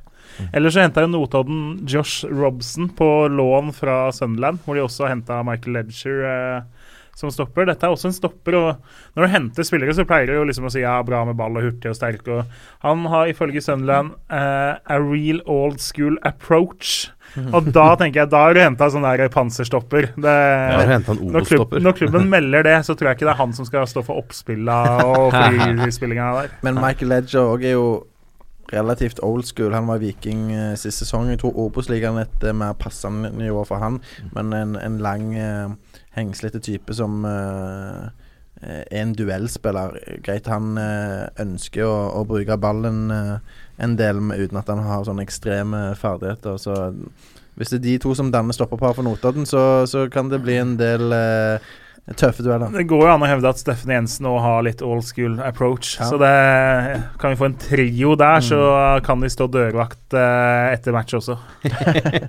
Bortsett fra det så var det vel ikke de store aktivitetene på overgangsvinduets eh, siste dag. Eh, Sandefjord sendte William Krutovic på lån til Ullkisa. Eller Ellers så hentet Nei, Bodø-Glimt eh, sendte også William Arne Hansen til Alta på lån. Ja, så det Eh, og Oliver Sigurd Jonsson eh, Yes. til Breidablikk. Var det for noe utlendingskvote, eller? Ja, altså han, De henta jo han her danske nå, så Sigurd Jonsson har jo vært langt unna laget. Og når de henter enda en midtspillerspiller, så havner han jo enda et hakk ned i den eh, rekken. Så Ja. han hadde spilt lite A-lagsfotball i år, og da er det jo bedre at han drar hjem og spiller litt på Island. Ikke noe skjedde i eh, Bærum, og Inge André Olsen eh, forholdt seg stille og rolig. Det er første gang på noen år.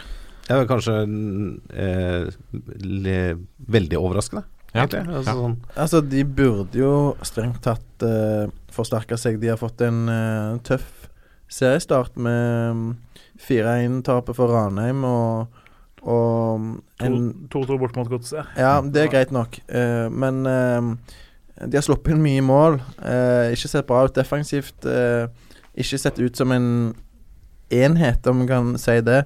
Eh, de har fremdeles eh, meget eh, bra spillere i OI og, og Boli og, og sånn, men de ser, de ser for enkle ut å score på, og jeg ser ikke at det skal endre seg sånn umiddelbart. Nå vet jeg Vadim Demidov er aktuell for å starte til helga, men han spilte 45 minutter mot Elverum i en treningskamp i går, som da blir altså onsdag denne uka.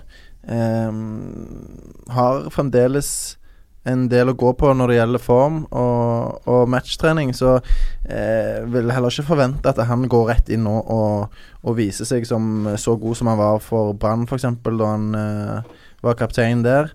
Eh, så klart, han kan bli ekstremt viktig for Stabæk, men eh, jeg tror nok eh, det er mange i og rundt klubben som hadde sett at de forsterka seg før eh, vinduet stengte. Ja.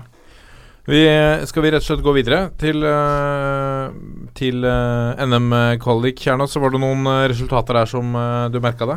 Ja, nei, vi har jo allerede nevnt at Årvoll eh, gikk videre. Det var jo et nydelig utfall, selvsagt. Ellers så hadde jo interessant nok Storhamar mot Lillehammer, eh, blant annet. De som følger hockey, kan jo tenke at det er jo artig at NFF og Hockeyforbundet faktisk snakker såpass eh, sammen. Eh, ellers så var det litt sånn kvikk. Eh, Trondheimsklubb eh, slo ut eh, Verdal på slutten der. Eh, Trygg Lade slo ut eh, Tillebyen, så det er en av de som får Rosenborg. Eh, Kvikk er jo da litt lengst spiller på Rosenborg-banen. Eh, Trygg Lade har Steffen Iversen som eh, trener. Så Ja, dette er fjerdedivisjon. det er fjerdedivisjon. Så det er ganske En av de får 98 sikkert møte eh, Rosenborg, og da høyst sannsynlig Trygg Lade og Steffen Iversen. Så da, for de som skal lage noen saker, f.eks. i VG, på uh, cupoppsettet, så går det jo an å tenke naturlige vinklinger uh, der allerede. Har Steffen løst uh, spillelisens i år? Det er jeg litt usikker på. Han var ikke på banen banen i går, i hvert fall. Er jeg nesten sikker på. Ja.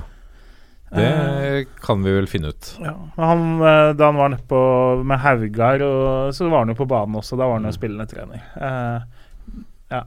Eh, nei da, så det Man merker jo det er ikke Det er noen sånne store resultater, men det er mye jevne kamper. Og så en del hvor du ser at fjerdedivisjon faktisk matcher tredjedivisjon. Blant annet eh, Lommedalen slo ut nyopprykka Selbakk med 3-0 borte og sånn. Så det Så var det et nydelig mm, resultat i Stavanger. Vardenes, min gamle klubb, eh, slo eh, erkerival eh, og en av de verste klubbene i landet, Brodd 1-0. Nei da, det, det er mange fine folk i Brodd, men uh, Og mye dårlige klubber i Norge. Eh, ja, men, uh, men eh, det er et hardt oppgjør av dimensjoner. Eh, det er smerte å tape der, og det er helt nydelig å vinne. Eh, så det var kjekt å se at uh, Verdenes tok den. Og eh, på, på vei til Ullevål eh, fortsatt eh, kan gjerne få Verdenes i Viking eh, eh, hvis vi er heldige.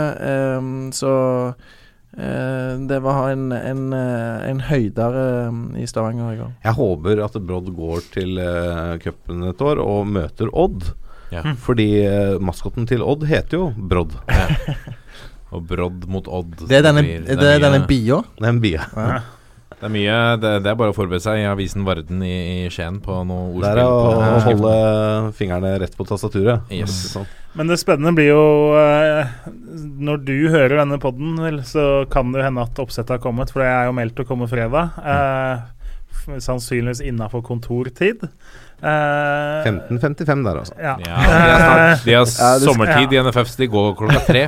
Ja, ok, Ja, det er ni til tre 14.51 nå. da. 9 til 3. Ja, uh, det er veldig mange som sitter og gleder seg til dette rundt om. Det er jo et av de store, om ikke det store høydepunktet for eh, breddeklubben som faktisk har tatt seg til eh, annen runde, nei, første runde. Uh, nå sitter det folk på Årvoll og på Kløfta og hos Vardeneset og i Skjold og veit at de har gode sjanser til å møte storebror, få folkefest, kunne selge vafler for titusener av kroner. Eh, kanskje få lov til å skåre et mål og juble litt. Det, det er mye spenning. Det er mange som er nervøse fredag Men uansett hvordan det går, så kan jeg garantere at det kommer til å komme masse kritikk mot NFF for oppsettet. For det kommer én eller flere kamper som virker helt håpløse. Ja, men ikke for å være soft her, men eh, eh, vi må bare si det. det. Det er mange som kødder med NFF og sånn, men det finnes mange dyktige folk eh, i den eh, organisasjonen. Uten tvil. Vi har et Ja, ja, ja. G17-landslag og et G18 Nei, et Fantastisk. G19-landslag som er Ja. klart for eh, EM, og, og de, de jobber godt om dagen, så de skal ha honnør. Ja, men det er lov å, eh, det er lov å sparke litt oppover. Ja, Så det- Jo da, men, men altså det er, det, er, det er jo hvert år Mm. som første runde blir satt opp, så er det noen som er misfornøyd, Ja. og noen som slenger Og, så- og sånn vil det uansett være. Det er Ja. umulig å blide alle. Sant? Ja, er Det det er sikkert fakkeltog eh, på Årvoll hvis ikke dere får Vålinga nå, tenker jeg. Ja, da går fakkeltoget faktisk Med Ullevål. Med kjepper og spader og raker. Ja, nei, men det er altså Årvoll er da i fjerde, nei, første runde for første gang siden 2009. Eh, bare det at det er fjerdedivisjonslag og kommer deg til første runde, gir deg god sjanse til å møte eliteserielag. Når du da ikke har vært der på ti år også, så bør sjansen øke. Da fikk de Hønefoss, som jo eh, selvsagt er en fantastisk oppsett. Nei, men da var Hønefoss et førstedivisjonslag, og det er liksom ikke det de vil møte. Årvoll har ikke møtt Vålerenga i tellende kamp siden 60-tallet engang. Eh, Vålerenga er ofte sendt til Toten og sendt til Verdal, og gud veit hvor de ikke er sendt i første runde. Det er liksom eh, Vålerenga betyr jo fest, altså der hvor de kommer i første runde. Det er Vålerenga, Rosenborg, eh, og for gjengen på Vestlandet så er det Brann og diverse som du vil møte. Eh, jeg tenker at nå hold Vålerenga innad i byen og lag fest på Oslo øst. Mm. Ja, det er ikke Jeg husker jo fortsatt uh, Vålerenga møtte Oppsal i cupen et år. Mm. Uh, Og Nordstrand og Ja. ja, og da Det var vel den kampen hvor Kamekaka debuterte med scoring for Vålerenga. Mm. Uh, og det var altså en fest uten like oppe på Oppsal Arena. Der. Ja, det, var, det var fantastisk, rett og slett. Det er så gøy med sånne Mm. kamper. Ja, og det er jo en, en gyllen mulighet for, for mest sannsynlig noen av Vålerengas unggutter som kommer fra Oslo øst, til Mm. å vise seg fram på, på den riktige sida av byen, mener nå jeg. Eh, men men, men eh, Årvoll, eh, Kjernås, hvem er, kan du nevne et par eh, virkelig kjente Hvem er de, de spillerne går- dere er mest går, stolte av? I, I går så jeg er mest stolte av Altså i, i historien, I jeg historien. Eh, André Krogsæter skåret jo fire mål i cupfinalen for LSK da Vålerenga ble slått 4-1 i 1980, eller var det 85? Han spilte Ja. to cupfinaler. Det er klart, det er jo en mann å eh, kunne beundre det. Daniel Bråten er nå tidens spillere. Årvoll-gutt. Årvoll-gutt, så Ja. god som noen. Født rett ved, eller oppvokst rett ved Tonsen kirke. Uh, ellers så har du jo mange fra bydelene rundt som er uh, altså, Tar du Bjerke bydel òg, så er det jo sånn at uh, du kunne stilt en elver som hadde matcha noen av de mindre landslagene rundt om i Europa, mener jeg. Oh, ja. Ja, du kunne jo altså, du kunne da hatt Bråten, så kunne du hatt Moss uh, Abdullaue på topp, Ja. eh, og. Det- Ja, André Hansen er vel André Hansen hadde stått i mål. Det hadde vært ganske ålreit. Mye andredivisjonsspillere. Folk som har U-landskamper, folk som eh, har vært i toppklubber. Det, Men du vet, hvis Bjerke blir en, en stat, så kan de spille for Bjerke, vet du. Selv om staten Bjerke. Selv om de har spilt for Norge og andre land. det er veldig fint å vite, for da blir det å knuse San Marino og Litauen og Latvia og Liechtenstein og andre lag på. Ja, kanskje, kanskje litt offensivt med Litauen og Latvia, men ikke altfor mye. Gibraltar, da. Gibraltar hadde blitt lett match. Skal vi la NM eh, ligge, ligge det. med det? Vi skal til, eh, til ukens eh, aller viktigste nyhet. Ranheim har kjøpt hest. Hva Var det det? Ranheim har kjøpt hest. Det er hest. offisielt. Ranheim har kjøpt hest. Gampefotball.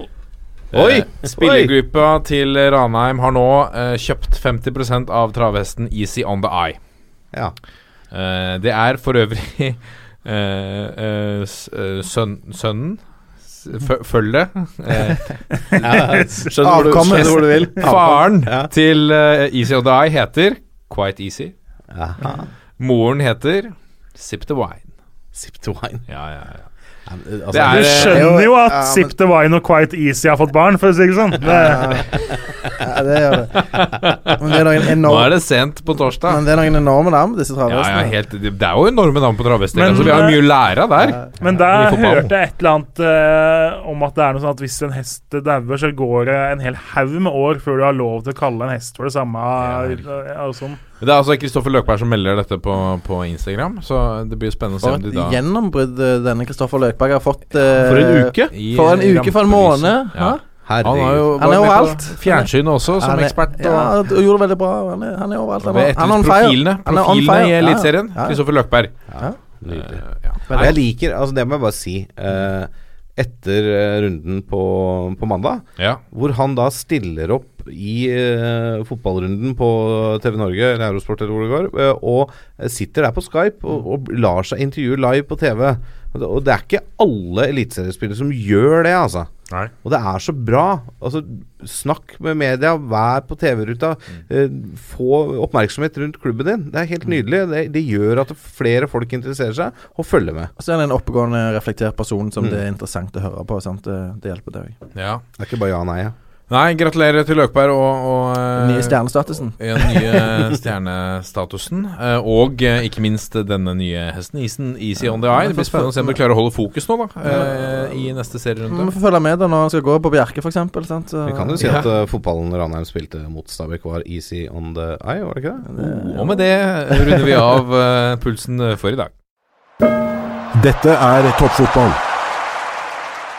Og der har vi kommet eh, til preview på årets andredivisjon, Post Nord-ligaen. Uh, Kjernos, to avdelinger. Eh, det er eh, eh, godt nivå, det så vi i, i fjor. Eh, vil vi se noen eh, eh, altså være like sterke og, og marsjere gjennom det, sånn som HamKam f.eks. gjorde i fjor? Er det noen som er så solklare favoritter? Det er det kanskje. Ja, det er definitivt. HamKam fikk jo faktisk eh, kamp et godt stykke ut på høsten av Alta i fjor, da, selv om til slutt så skilte det veldig mange poeng, fordi de siste fem-seks rundene så vant HamKam alt og Alta tapte. Men de hadde reell kamp lenge, de. Eh, I år så er det jo klart at det er Fredrikstad som er laget det er knytta store store forventninger til. Ikke bare fordi det er Fredrikstad, men fordi de faktisk har henta Per-Mathias Høgmo som sin nye trener. Eh, han går da fra landslagstrenerjobben til å ta over et lag i annendivisjon.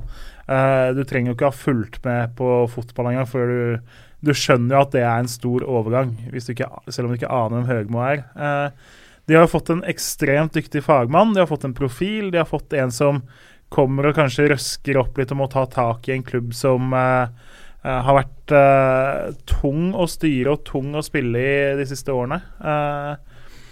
de har henta inn profiler på et nivå som Eh, med fare for å høres liksom altfor superlativ ut, som ikke skal være mulig da i andredivisjon. Eh, Kjell Rune Selin har jo skåra tosifra med mål i førstedivisjon i mange år nå. Eh, Eirik Mæland er en eh, eliteserie-midtbanespiller. Eh, de kommer nå inn. Mats Nilsen var litt Bob Bob i Sandnes Ulf i fjor, men eh, knallsignering på stoppeplass på det nivået her. Så de har henta en sentrallinje som hadde vært gode forsterkninger for dem hvis de var i førstedivisjon eh, ennå. Men dette er jo en by som nå er sultefora på gode opplevelser. Og hva er vel bedre da enn å ta ett nivå ned, bygge opp laget eh, for å feie gjennom eh, andredivisjon? Ja, nei, Det er sånn du må bruke et uh, nedrykk. da. Altså Enten så kan du legge deg ned og dø, eller så må du faktisk røske opp og ta tak. Eh, I hvert fall en klubb som ikke beregner å rykke ned. Det er noe annet i Sogndal når de går ned, og de har på en måte budsjettert litt med det og tatt høyde for det. Uh, Fredrikstad har trengt å snu litt steiner, snu litt negativitet, ha noen tydelige uh, strukturer innad i klubben. Uh, og så er det jo sånn at de starter med null poeng, de òg. alle starter med null poeng og det er andre gode lag. så du skal fortsatt slite med å finne oddsselskap som har veldig mye under to i odds. Det vil jo si at man vurderer det som omtrent like stor sjanse for at Fredrikstad rykker opp som at de ikke vinner den uh, avdelinga ennå. Mm. Uh, for det er jo mange variabler i fotball, også over 26 runder. Men, uh, en av de variablene er, er, Moss. De er kanskje ikke utfordreren til, til, til tittelen her og opprykket, men, men det er jo Moss-Fredrikstad. Ser for meg en sånn kamp som kommer til å leve sitt eget liv. Ja, vi hadde jo, Jeg og Joakim satt jo i VG-studio i dag med treneren til Moss, som jo også har vært innom her. de møter jo Fredrikstad i andre serierunde på hjemmebane. Mm. Eh, Snakka om at 5000 er ikke nødvendigvis noe urealistisk eh, tilskueranslag der. Det er klart at det blir en folkefest. Det blir en kamp som blir bedre besøkt enn noen eliteseriekamper den helga. Eh, og er jo et nydelig lokaloppgjør med en del fin historie bak seg. Det blir jo helt vilt. sant? 5000 mann eh, eh, på tribunen i andredivisjon. Eh, Fredrikstad-Moss. Det klinger bra. sant? Det er jo nesten for godt til å være sant i andredivisjon. Mm. Uh, men uh, Fredrikstad mm, Selvfølgelig soleklar favoritt å gå opp. Men det er jo litt spesielt, da. Det er ikke mange månedene siden det var fullstendig krise. Uh, Tapte der i playoffen for Notodden og, og skulle kutte um, over ti millioner i budsjettet. Og, og et tosifret antall spillere var på vei ut. Og så klarer de jo da um, å, å mobilisere. Uh, få med Terje Høili eh, sponsoren, hovedsponsoren til å, å, å, være med og hente Per-Mathias Høgmo, som sitter på millionlønn i andredivisjon. Eh, noe som er veldig klokt. Han er jo òg eh, blitt eh, harselert masse med, og, og, og, og på en måte eh, nærmest tråkka litt på eh, eh, pga. Eh, tida som, som landslagssjef, men eh, det er jo en fagmann av dimensjoner eh, og en type som både kan lede et lag og bygge en klubb. Mm. Og det er jo akkurat det Fredrikstad trengte. Um, så blir det interessant å se uh, hvor godt det laget han har nå satt sammen, vil fungere um, nå uh, i vår. Uh, de trenger en god start, som alle andre som har ambisjoner om å rykke rett opp. skulle de mislykkes med det, så er det en playoff-mulighet på andreplassen. Um, de tar jo en av de to plassene. Skulle tro det, skulle tro det. Men uh, det er klart det er mange hardtsatsende lag i andredivisjon. Uh, så uh, det er ikke noe sånn Det er ikke gitt at Fredrikstad rykker opp, men de har henta mange gode spillere som uh, er Jørgen inne på, og, og det er typer i sin beste alder. Sant? -hmm. Det er ikke sånn gamle typer eh, som er mette, men har stort navn og på 35 år. Dette her er- er folk i sin beste alder med Erik Mæland og, og Kjell Rune Selin eh, og Mats Nilsen f.eks. Litt eh, spent på hva Tim Nilsen bidrar med. Eh, det er jo en klubbnomad etter hvert, men det, det bør bli bra. Ja. Det virker jo Men- som i Fredrikstad at det, det er en annen ro enn det var bare for noen måneder siden. Eh, blant altså, lokalpressen, eh, publikum, altså supporterne. Det virker som det er liksom litt sånn Ok, nå er vi der vi er, Ja. og så får vi gjøre det beste ut av det. Og så blir det jo alltid engasjement rundt Fredrikstad uansett. Ja, og det er jo takket være Per-Mathias Høgmo. sant? Eh, og så har de hentet en Bjørn Bommen Johansen som eh, assistent. en mann med eh, over 300 kamper for Tromsø i, i Eliteserien. Eh, eh, Sleid eh, med Finnsnes, som rykte ned forrige sesong eh, fra andredivisjon, men allikevel. Eh, det er en profil og en, eh, en eh, mann som kan fotball, det òg. Eh, de har starta med videoanalyse av treningene. sant? Ingen overraskelse det når det ja. er Per-Mathias Høgmo som er på jobb. Men Høgmo får respekt i form av den personen og det navnet han har. Mm. Eh, og det er bra. Det syns jeg han fortjener. Og eh, Fredrikstad er jo et eh, lag og en klubb som eh, hører hjemme eh, egentlig i Eliteserien. Ja. Men eh, vi, må, vi må snakke litt om utfordrerne her. Vi Ja. anser de som den store favoritten, men hvem er det som kan eh, dytte litt på de? Nei, Sånn jeg ser det, så er det fem klubber som har realistisk mulighet utover noen få prosent til å ende på de eh, topp to-plassene, eller kjempe om de. Eh, tøffeste utfordrerne mener jeg blir Elverum og Raufoss. Det er opp mot uh, Hedmark og Oppland. Uh, Fredrikstad må frykte å dra. Nå knuste de jo Raufoss i en treningskamp her, men spillemessig var det jevnere enn det ble vel 4-1, tror jeg det ble der. Raufoss har mista en del mann. Mista bl.a. strålende Christian Onsrud til HamKam. Han har jo vist at han kommer til å bli en profil i førstedivisjon i år. Eh, men så beholdt de bl.a. toppskårer Anton Henningson, selv om han så ut til å være tapt. Uh, de har fått seg en bra stall, veldig tydelig 4-3-3-mannskap. Uh, Henta en bra danske Mikkel Maigård på midten, annet. Eh, det er et lag som uh, ser bra samspilt ut, de òg, og som har en god elver. Ikke har samme bredden, ikke samme høye toppene som vi har i Fredrikstad-laget, men eh, eh, er ikke så langt bak eh, prosentmessig i kvalitet eh, i forhold til Fredrikstad. Hvem er det som ser eh, svake ut her, da? Altså hvis vi Altså uh, In the words of uh, mange, mange Ja, ja. norske fotballtrenere, så er det Ja. midten av tabellen er veldig kjedelig, men uh, Du har jo FK Mjølner eh, fra Nærvik som rykte opp fra tredjedivisjon forrige sesong, som naturlig nok eh, vil møte på mange nye store utfordringer eh, et hakk opp. Eh, målet der eh, er jo å, å stabilisere seg i divisjonen, eh, men eh, det er klart at eh, de kan få det tøft. Ja, nei, det, de er et av lagene som får det tøft. Odd 2 eh, skal få slite i år, tror jeg. En del av de unge som vikt, var viktige i fjor, er jo nå mer sentrale på førstelaget. Sånn som Jon Kitolano. Eh, Markus Kaasa har starta og spilt litt nå. Eh, ellers så er det det verste med å på en måte spå tabell i andredivisjon i år, er å spå bunnlag, nedrykkslag. Fordi eh, det er ikke sånn som det var før med fire avdelinger, at du hadde noen lag som var mye svakere enn bunchen. Eh, det er gode lag, alle de som kommer opp, og det er gode lag som berga plassen i fjor. Så eh, kampen om nedrykk blir nesten like brutal som det kampen om opprykk kan bli. altså.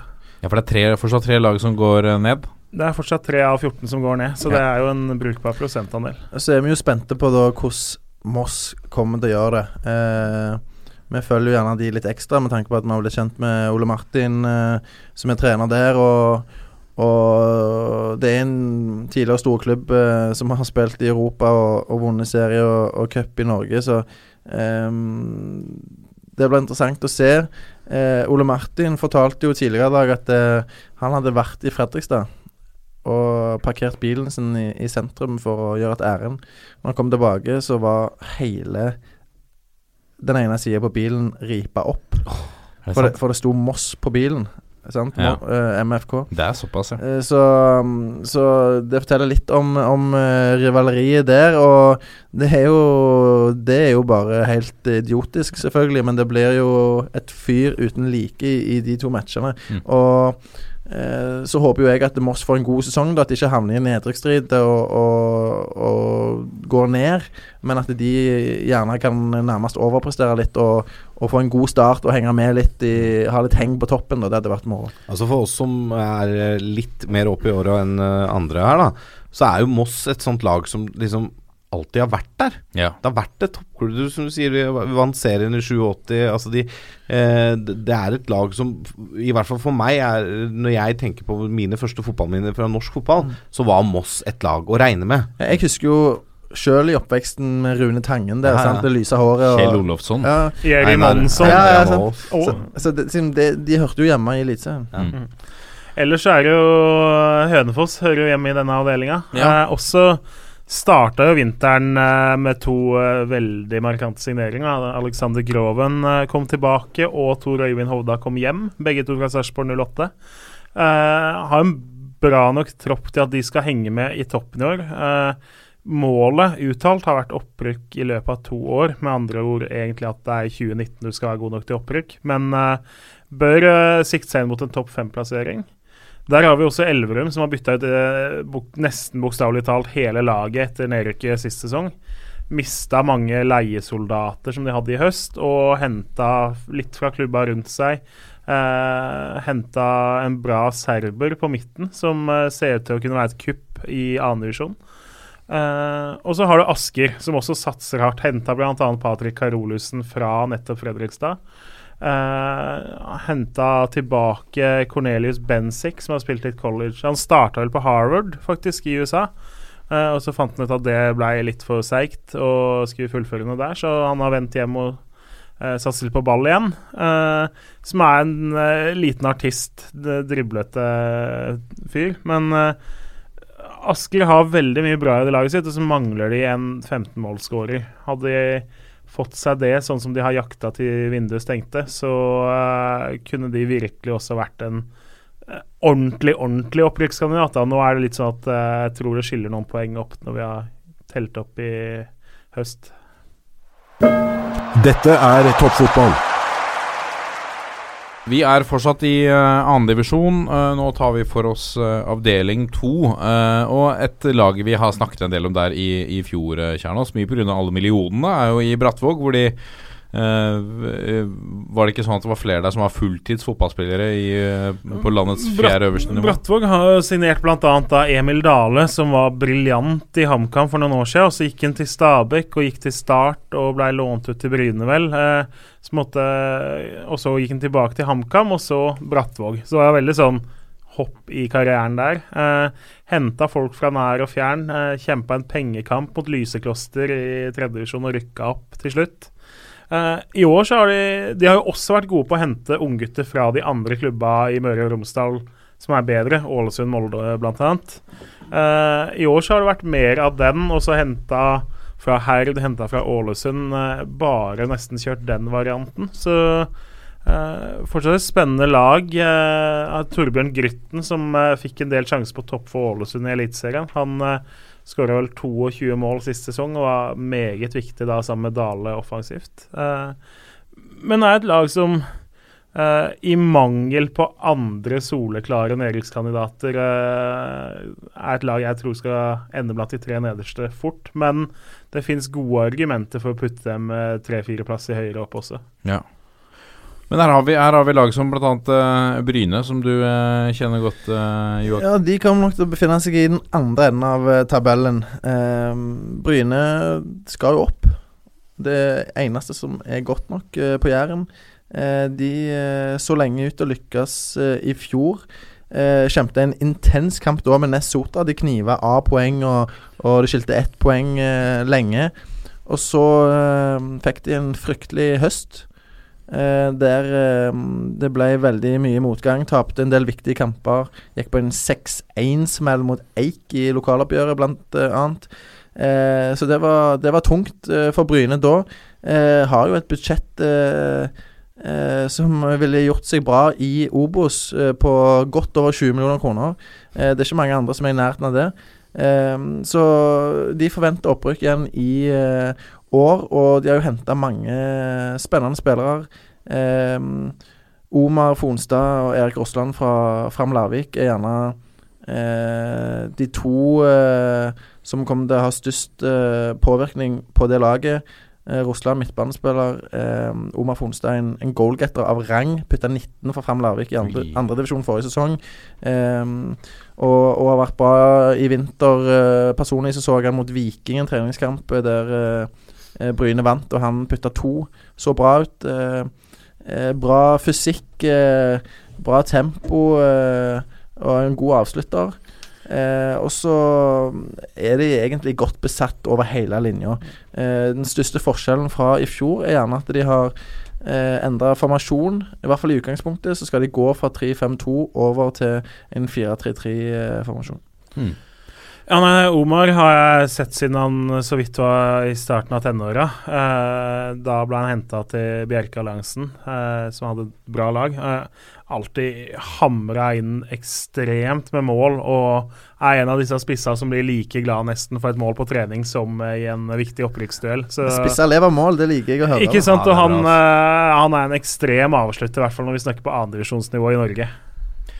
Men eh, du er uvant stille, Magstein. Men, eh, men hva tenker du om Vålerengas eh, rekrutter eh, i år? Har de, altså, de har jo i mange år slitt med å holde plassen i og jobba beinhardt for å holde plassen i andre divisjon. Ja, nå er det jo Det har jo alltid vært en sånn kamp da eh, for Vålerenga, men de har jo klart det år etter år etter år. Og når det ble den omlegginga, så var jo de ett av få lag som faktisk klarte å holde seg på det tredje nivået. Og det gir jo en kamparena for de, nest beste, som er mye bedre enn de laga som da gikk ned i tredjedivisjon. Og det var vel også noen eliteserielag som hadde lag i fjerde. Ja, Sarpsborg rykka jo ned til fjerde i fjor, blant annet. Ja, det er jo en helt annen kamphverdag. Så ehm, det blir jo en knallhard kamp i år òg. men det er jo det Hva er best for de yngste gutta? Er det å få spille disse eh, andredivisjonskampene og gå på noen smeller, eller er det å eh, gjøre sånn som du gjorde med Dønnum nå, leie den ut til Obos, ikke sant? Så det er en sånn balansegang der, men de kommer jo til å eh, til å legge et visst trøkk på å prøve å ta nok poeng, selv om det blir vanskelig. Men det som er best, sånn som jeg ser det for de unge gutta, og da er det gjerne de som er eh, hakket under eh, Dønnum igjen, eh, poengstigen, det er jo å spille med en god miks av Mm. etablerte. sant? Eh, drar du på en, eh, en eh, match og møter et godt lag med bare juniorer, så får du grisebank eh, veldig ofte. Og da eh, sitter du ikke med en god følelse som en ung gutt etterpå i garderoben. Eh, du har ikke fått vist hva du er god for. Eh, treneren din er ikke fornøyd, og du, du begynner å lure på sjøl om, om, uh, om hva som skjer. Liksom Holder du ikke andredivisjonsnivå? Du vil jo helst uh, spille i Eliteserien.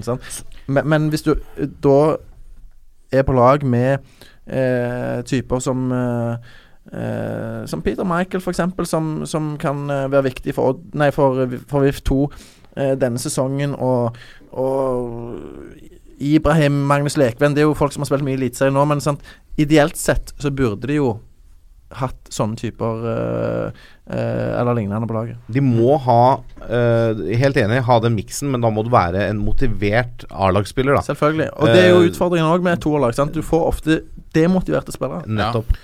Men ikke sant, sånn som uh, Markus Sandberg kan fort få en del kamper for Vålerenga 2 og andrekeeperen. Meget habil lyst. Ja, det er jo det. Ja, ja. Så de, de, de kan få det til, men det blir tøft, altså. Men, men det som er eh, sikkert, er at eh, det er duket for noen Oslo-derbys. Fordi både Vålerenga 2, Skeid, Kjelsås og Koffa er i denne avdelingen. Ja, og vi starter jo med det som er et lite hatoppgjør i Skeid-Kjelsås. Uh, Skeid er jo et lag det er lett å hate, så jeg skjønner at det blir mye hatoppgjør for dem. Si. Så det, nei, nei. Eh, de møttes i treningskamp her nå for en liten uke siden. De skal møtes i serieåpninga. Uh, Skeid har henta en drøss med gode andredivisjonsspillere og har en ekstremt brei stall. Eh, beholdt David Tavakoli, som jo var en av de vi skulle stemme over når vi snakka om toppskårer i høst. Uh, Det var han du helst ville skulle vinne. men- han, han skårte jo 20 mål uh, i fjor i andre divisjon. Har blitt værende litt sånn overraskende at han ikke har tatt steget ett hakk opp. Kanskje han blir årets dang? Det vi får Du se. ville jo ha han til årets uh, trøen i fjor. Ja, nye muligheter da. Uh, de har henta Moa Manin som en av tre mann fra Grorud. Han briljerte mot uh, Molde i cupen for et par år siden og fikk trene med Molde etter det. Er på sine beste dager en fantastisk fotballspiller, og da snakker vi ikke bare på andredivisjonsnivå. Eh, da snakker vi en ballkunstner som kunne klart seg i Eliteserien, men som mangler stabiliteten og jevnheten til å være der oppe. Men eh, da, jeg syns det er overraskende at han gikk til Skeid. Han var helt sikker på at det skulle bli plukka til uh, en klubb som f.eks. Nest Sotra. Tror jeg han kunne passa fint inn i uh, ett tak opp. Men, men kan Skeid rykke opp? Ja. Uh, enkelt og greit. De, uh, jeg tror at Bryne, som vi har snakka om, og Arendal, som kommer ned, som har mista noen, men beholdt ganske mye av stallen, og i tillegg henta bl.a. Jens Skogmo fra start, da. Eh, holder dem som sterke, i hvert fall. Hardtsatsende Egersund har henta mye, har et mye større budsjett. Eh, holder alle de tre over, men Skeid er så gode at eh, de definitivt skal utfordre de. Slo HamKam 4-0 i fjor på hjemmebane eh, i mai, hadde vi vel kommet til da. Eh, svingte altfor mye til å faktisk være med i en opprykkskamp i fjor. Tapte mye poeng mot lag de skulle ha slått. Eh, og så er det jo sånn, nå har de reelt sett i hvert fall 18-19-20 mann som egentlig kan forvente å starte kamper, da. Eh, det er det nesten ingen andre klubber på det nivået her som kan si. Eh, det er Mista Ridwan Sae Ridwan Sae og Mansour Guey har Ja. forsvunnet ut av Forsvaret, da. Eh, så akkurat der er det litt svekka. Men eh, eh, i tillegg så har du Jens Rognve, som er egentlig et fantastisk talent, som har slitt litt. og eh, trolig er på sidelinja også i år. Eh, skal spille på andre lag og bygge seg litt opp der. Eh, så de har jo mista en del mann nå. men så har de henta såpass mye og beholdt såpass mange at I vinter så har de variert veldig i treningskamper på en som har spilt. De har bytta mye på laget. delt på spilletida har vært litt sånn at en del spillere har kanskje trengt bekreftelse mer, da. Eh, at du faktisk er en jeg vil satse på. Eh, men så har det blitt en omgang her og benken der og så 90 minutter osv. Litt ulikt Tom Nordli. Ja, det, men har du en stor stall, da, så må du jo på en måte Altså, jeg regner med det er en bevisst eh, strategi. Det er jo ikke signert spillere ved et uhell. Eh, Uh, og så er det jo vanskelig å si nei når det kommer gode spillere og banker på døra og vil spille for deg. Eh, men de har en kabal som skal gå opp der, og klart det er jo et luksusproblem, men fortsatt kan det være et problem at du veit ikke nødvendigvis hva den beste elveren din er, da. Nei. Men før vi går videre, så vil jeg gjerne prate litt om en Stavanger-klubb som uh, Kjernås uh, litt sånn usikker på, sånn som jeg uh, tolker han eh, i dag. eh, Det er FK Vidar. Ja. Um, Som har signert El Haji Maktar Tione. denne senegaleseren på 33 år som eh, har hatt en lang og fin karriere. Eh, og han eh, vil jo bli eh, en viktig spiller for eh, Vidar sentralt på midtbanen. Eh, Han var ikke stor for Alta i fjor. Nei, altså nå skal ikke jeg skrive på meg at jeg så veldig mange Alta-kamper. Jeg så alt. Du så alt av Alta? Så ja. Alta alt annet nei. Ja, greit. Nei, men sant og, og, Men allikevel, han vil ikke være den beste spilleren. Og det forteller jo gjerne litt, da, sant. Um, han kommer til å spille sammen med Andreas Vestli sentralt. Uh, Um, som heller ikke er den beste spilleren til videre, men, men, men en bra spiller, det. Sant? Erfaring fra Sandnes Ulf tidligere. Men uh, de har et meget godt forsvar. Ehm, en firer med Georg Danielsen, eh, Daniel Berntsen, Christian Høvring og en mann som de fleste kjenner til, Bjørnar Holmvik på venstre bekk. Ja. Eh, Så mm, det er et forsvar som eh, egentlig holder Obos-nivå, vil jeg eh, påstå. Eh, I hvert fall hvis de hadde spilt eh, med, mm, i, en, i en elver som, som var bra. Eh, det er jo et veldig godt fundament eh, å, å bygge videre på. Og framover på banen òg så har de en del spennende spillere. Lars Hummervoll putta 16 mål forrige sesong. Eh, Martin. Martin Hummervoll, beklager. Eh, stor, sterk eh, spiss eh, med fart og, og målteft. Um, så eh, det er bare noen av de spillerne. Og så er usikkerhetsmomentet, da, som kan enten slå negativt eller veldig positivt ut, det er Roger Nilsen, som er kommet inn som ny trener. Har eh, jo en lang karriere bak seg eh, som spiller som eh, alle kjenner til på landslaget og i utlandet. Eh, han har tidligere bl.a. vært i Viking. Jeg hadde han sjøl der på noen tolagskamper og sånn. Opplevde han som ganske som en streng type, vil jeg si. Vi fikk ikke lov å drikke brus f.eks. etter match. Det var useriøst. Eh, så kan man si at han har Pizza? Eh, jeg lurer på om jeg ikke fikk pizza. Ja. Normalt sett så får du alltid pizza til kamper, men jeg husker ikke hvordan det var med han. Men han var i hvert fall opptatt av detaljer, da. Sant? Og, og på en måte så kan du ikke klandre han for det. Folk eh, skal være seriøse, men allikevel, det, det var i hvert fall litt overraskende da. Men uansett, han er kommet inn, endret formasjon fra Morten Jensen. Eh, Morten Jensens eh, 3-5-2. Eh, Jensen som for øvrig er blitt assistent i Viking. Eh, til en eh, Det som mest sannsynlig blir 4-4-2, gjerne 4-2-3-1. Um, og det er jo en, Den største endringen der er jo egentlig for uh, Forsvaret, som går vekk fra ei trebackslinje til, til en firer. Um, de har hatt uh, typer som har passa bra inn til å spille med tre stoppere. Um, så, så det blir interessant å se. Men jeg tror Vidar, som de egentlig alltid har vært, eh, så er et lag som er kapable til å, å blande seg inn helt øverst, og med kjempeflyt kan rykke rett opp. Ja. Ikke noe brus eh, i Vidar eh, i år, Ja, altså? jeg har hørt at han er ganske lyngen og fin nå, så det spørs. Ja, det har gått noen år siden jeg hadde han, hadde han sjøl. Jeg var jo en tur på Ekeberg i, i går og møtte Jørgen Isnes, KFUM-trener, sammen med Kjell Sverre Hansen Wold. Uh, trenerlegenden, må vi kunne si, som har uh, store resultater med Skeid. Det, det ble en veldig fin prat med mye gammel Skeid-historikk. Uh, mye gamle historier. Eh, det jeg ikke visste før, før jeg hva skal vi si, eh, for å bruke ungdommens språk, eh, hooket disse opp med hverandre. Du, du hooka det opp. Eh, altså, det skjedde ingenting eh, av den karakteren, men, men uh, det var jo at Hooking kan, Jørgen være, hooking kan være så mangt, har jeg ikke Det kan være så mangt i denne sammenhengen. Skal du bruke et ungdommelig språk, må du være på sikker grunn. Det er sant, det er sant. Jørgen Isnes var, og det visste ikke jeg før jeg, før jeg inviterte de begge to uh, hver for seg til uh, å, å være med i, eh, i eh, episoden, var at Jørgen Isnes var eh, Kjell Sverre Hansens Vold kaptein da de vant NM-gull for junior i 1998. Eh, lykkelig uvitende om det sammentreffet. Så det var uh, en uh, nydelig liten sak. Vi slipper den neste uke, da de avdeling to har jo seriestart neste helg. Stemmer. Ja. eh, KFUM tar imot Det er jo seriestart for. Det er jo da det er seriestart i begge avdelingene. Det er bare at det er noen andre lag som syns det er så spennende å skulle spille fotball, så de klarte ikke å vente. Nei, ikke Odd sant. 2, Stabæk 2 der, også. Ja. ja. Gleder du deg? Gleder deg? Den, den gleder jeg meg til. ja.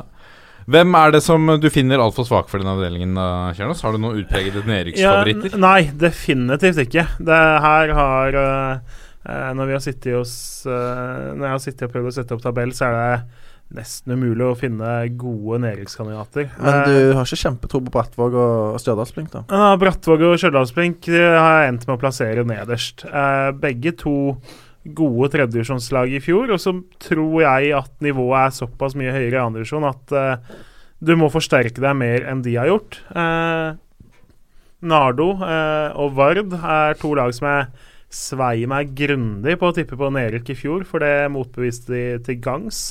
Prøver meg på nytt i år med at de havner i bunnen, begge lagene.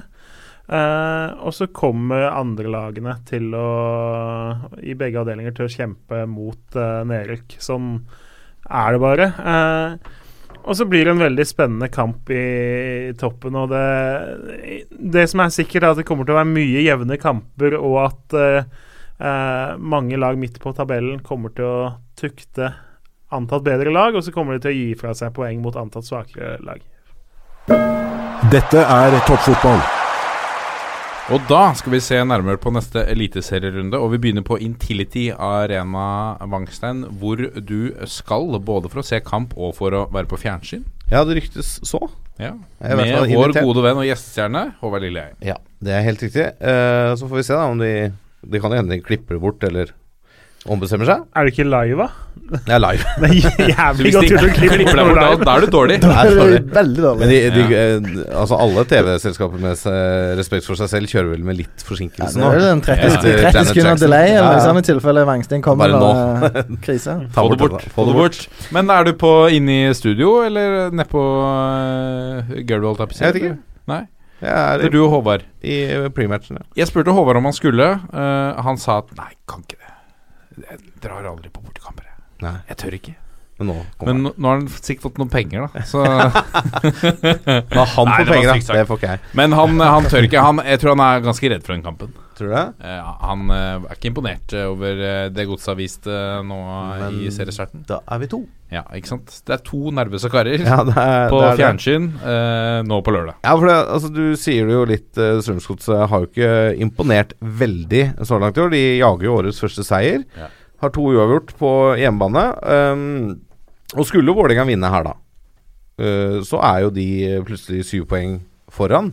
Og Dette er jo to lag som kanskje er spådd litt tett på hverandre på tabellen. Men skulle Godset vinne, så er jo på en måte forspranget spist opp. Er det det vi spådde de på andreplass, Godset? Jo da, men altså det er, Jeg tror det blir veldig tett mellom andre- tredjeplass og ned til sjette, sjuende, åttende, da. Eh, sånn i min, i min verden. Eh, Godset er nok eh, som alltid ganske sugne på å ta rotta på Vålerenga. Spesielt etter alt som har skjedd de siste årene med Deila, Larsen Kvarasei osv.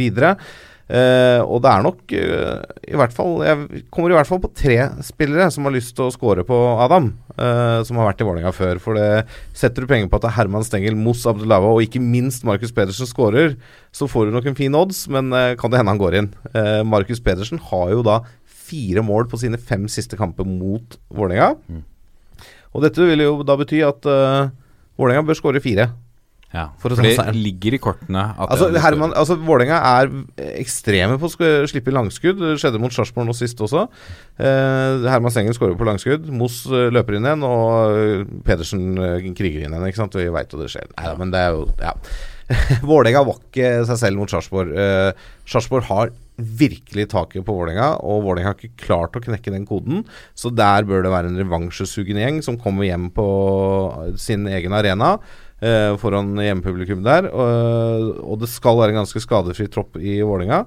Eh, Godset har vel fått tilbake både Basel Gerradi og Eirik Ulland Andersen er i sånn delvis sånn. trening. Ja, i trening, eh, i trening eh, er begge tilbake, men Mm. uh, Ulland Andersen i, i går, eh, onsdag i hvert fall, uh, trente ikke for fullt og er vel eh, tvilsom til match. Det vil si at eh, det kan gå begge veier. Ja, ikke sant. Så det er, men det er jo viktige spillere for Godset, da. Ekstremt viktig Eh, fordi Godset, de sleit mot Brann Spesielt i første omgang. Da var Brann gode, altså. De gikk ut og rett i strupen på den, som Lars Arne Nilsen sa på TV før kampen. Eh, og Godset hang ikke med i det hele tatt. Fikk jo nesten ikke låne ballen. Og Brann Altså, det Og mye få et pissemål. Det er jo det de ja, de, ja, de gjør jo det. Der. Og jeg tror Godset skapte én sjanse. Ja. Eh, nå skapte ikke Brann veldig mye, det gjelder, men de var overlegne spillemessig i uh, den kampen. Um, Vålerenga sto uten seier på de seks siste innbyrdes oppgjørene mot Godset. Forrige gang Vålerenga vant, var 3-1-seieren på Ullevål i 2015. Og så har det vært to 1-1-kamper i Oslo etter det. Eh, og tre hjemmeseiere på rad til Godset i samme periode. Eh, historisk sett så er det 24. møte i Oslo. 12-7-4 og målforskjell 50-30 er status, også i Vålerengas favør. Totalstatistikken derimot, den eh, klarer du nesten ikke å skille på annet enn målforskjellen. 17-12-17 og 81-75. Mm. Eh, jeg forventer jo Jeg forventer en tøff kamp som kommer til å smelle. Ivan Nesberg gikk vel ut på VIF-TV og sa at, eh, til Herman Stengel ta på leggskinn. Ja. og det liker jeg. Ja. Når det meldes litt, ikke sant. Det skal være sånn. Ehm, og det er mye historie rundt disse kampene nå, med Deila og, og company. Ehm, og jeg tror Godset kommer til å være veldig klare. Veldig ehm, motiverte for å ta rotta på den som jeg sa i stad. Og det er jo Skullerud også, på en måte. Det er jo Ja, det det er jo er trenerkamp her, og Ja, det Deila og er Skullerud det. mot gamle lag. og er Godset jager, jager den seieren, så Ja. Vålerenga må være påskrudd. Vålerenga må matche den intensiteten. Eh, som Godset garantert kommer med. Mm. Men eh, jeg tror fort dette blir en sånn ny uavgjort kamp, da. Eh, det er i hvert fall utgangstegnet mitt i den kampen her, er at det ender U. Men jeg tror det blir en morsom kamp. Ja. Med masse dueller og masse kriging og kanskje litt eh, kjefting og smelling. Så dette, dette gleder jeg meg til. ja. Men blir det fest, da? Ja. kommer det mye folk? Jeg håper det. Ja. Det er bare å stille opp. Det er lørdag klokka seks. Det er et nydelig tidspunkt for å rekke et par beger før kamp og Ja. på øst der, og så kan du ta et par beger etter kamp og uten å tenke på at du skal på jobb på søndag. Ja. Helt nydelig. Eller under underkamp hvis du er på folkevippen. Det går også an. Ja, riktig. Eller hvis du er på jobb, si. Eller hvis Eh, eller, Ja, for du òg skal på Jeg Ropstad. skal på Intility. Og dekke kampen for, skrive, eh, dekke kampen for uh, en uh, avis. Som Eh, ikke er på papir. Det Den er er bare på nett. Nettavisen der. Ja, riktig. det som er kjedelig nå, er jo vi har, får jo noen kamper hver vi skal snakke om når vi har disse previewene. Ja. Dette er jo som å være tilbake på ungdomsskolen. Hvor hun dritflink Hun som uh, gjør alt ti ganger bedre enn det de egentlig må. og Liksom ha med seg forberedt A4-ark med statistikk fra siste år. Altså, Eh, er Det er så kjedelig å være Jørgen da, som veit at den leksa hvor du skulle forberede et eller annet, den, den har du ikke gjort, så du må stå og ljuge og si at du har gjort og dikte opp noe. Det, Ja, men du må ljuge om brannen. Altså- jeg, jeg må ikke ljuge, men det, jeg tror ikke vi kan vise men, Til mitt forsvar Jeg har ikke den klisterhjernen når det kommer til fotball som Jørgen Kjernås Nei. har. Eh, jeg glemmer ting. Så jeg må på akkurat de tingene her, når vi snakker litt om statistikk og sånn, da må jeg ha litt notater. Ja, men det er klart, altså, nå har jo Når vi snakker om statistikk, da vi Skal vi snakke om Brann Kristiansund? Ja, la oss gjøre det. Ja, så eh, er det jo relativt lett å huske at hver eneste gang de har møttes i Eliteserien i Bergen, så har det endt med 0-4 mellom de lagene. Eh, så mønsteret kan ikke brytes, så blir det 0-4. Det- Men- men- Hadde det her vært ungdomsskolen, så hadde vel det vært min framføring. Ja, det- eller, ja. Men, men, det som er Noen. men det som deilig å se nå, når klokka drar seg mot midnatt her, er at det, Jørgen har bare se, seget ned i stolen. Nå er dagen over for Jørgen. Nå har det vært Nå er eh, klart å ta kveld. Ja, I dag så har vi kjørt innspilling uh, i VGTV og snakka fotball, og så har jeg sittet på jobb og jobba i fem timer eller noe med ball, og så ball i dag. Altså, eh, det kan ikke bli for mye fotball, men hvis det kan bli for mye fotball, så Er det nå? er en av de dagene i dag. Men Brann, som ja. Lasse Aas sa, så veldig bra ut mot Strømsgodset. Eh, Jeg syns de så ikke fantastisk ut, men solide ut mot uh, Bodø-Glimt òg. Det var en bra eh, første kamp for sesongen, det. Uh, har jo et lag som jeg syns uh, ser så spennende ut at uh, med et uh, Rosenborg som vi ikke er helt sikre på, så hvis Rosenborg ikke skulle være det Rosenborg de har vært de siste åra, så er jo Brann definitivt et av lagene som kan gjøre noe spennende oppe i toppen der. Mm. Eh, holder på å bygge ny uh, tribune, som jo gjør at uh, det er litt annen stemning. Det var litt rart å se kamp fra Brann stadion i første matchen deres der mot Glimt. Det var liksom ikke helt det bildet du er vant til å ha fra stadion der. Ja, for det var helt naken på ene det var jo det. Og så kom jo da Kristiansund, som vi sier, da 0-4 i fjor. Det var jo eh, snakk om å vinne den der gameplan-kampen mellom trenerne. Altså, Christian Mikkelsen hadde gjort en strålende jobb, og eh, det var Torgeir Gjertsen var blant, da, blant de vi virkelig da fikk øya opp for. Uh, uh, fikk en viktig seier nå sist. 2-1 over LSK. Uh, Kjempa seg tilbake til den. Eh, 2-2 på Lerkendal runden før, hvor, som jo også var en imponerende forestilling etter at de hadde den der litt rotete eh, første kampen, sånn første kamper ofte er, og så tapte de den da mot Vålerenga. Eh, som ikke var ufortjent, men det var jo ikke noe eh, kamp som du viser barnebarna om 100 år, hvis du er Kristiansund-supporter. Uh, kamp hvor jeg mener at Brann, skal de være uh, medaljelag, så er jo det her kamper du skal vinne. Uh, selv om det endte 0-4 i fjor. Eh, Men kan ikke det også være med på, måte gi Brann en ekstra motivasjon? At de, de tapte såpass grovt i fjor?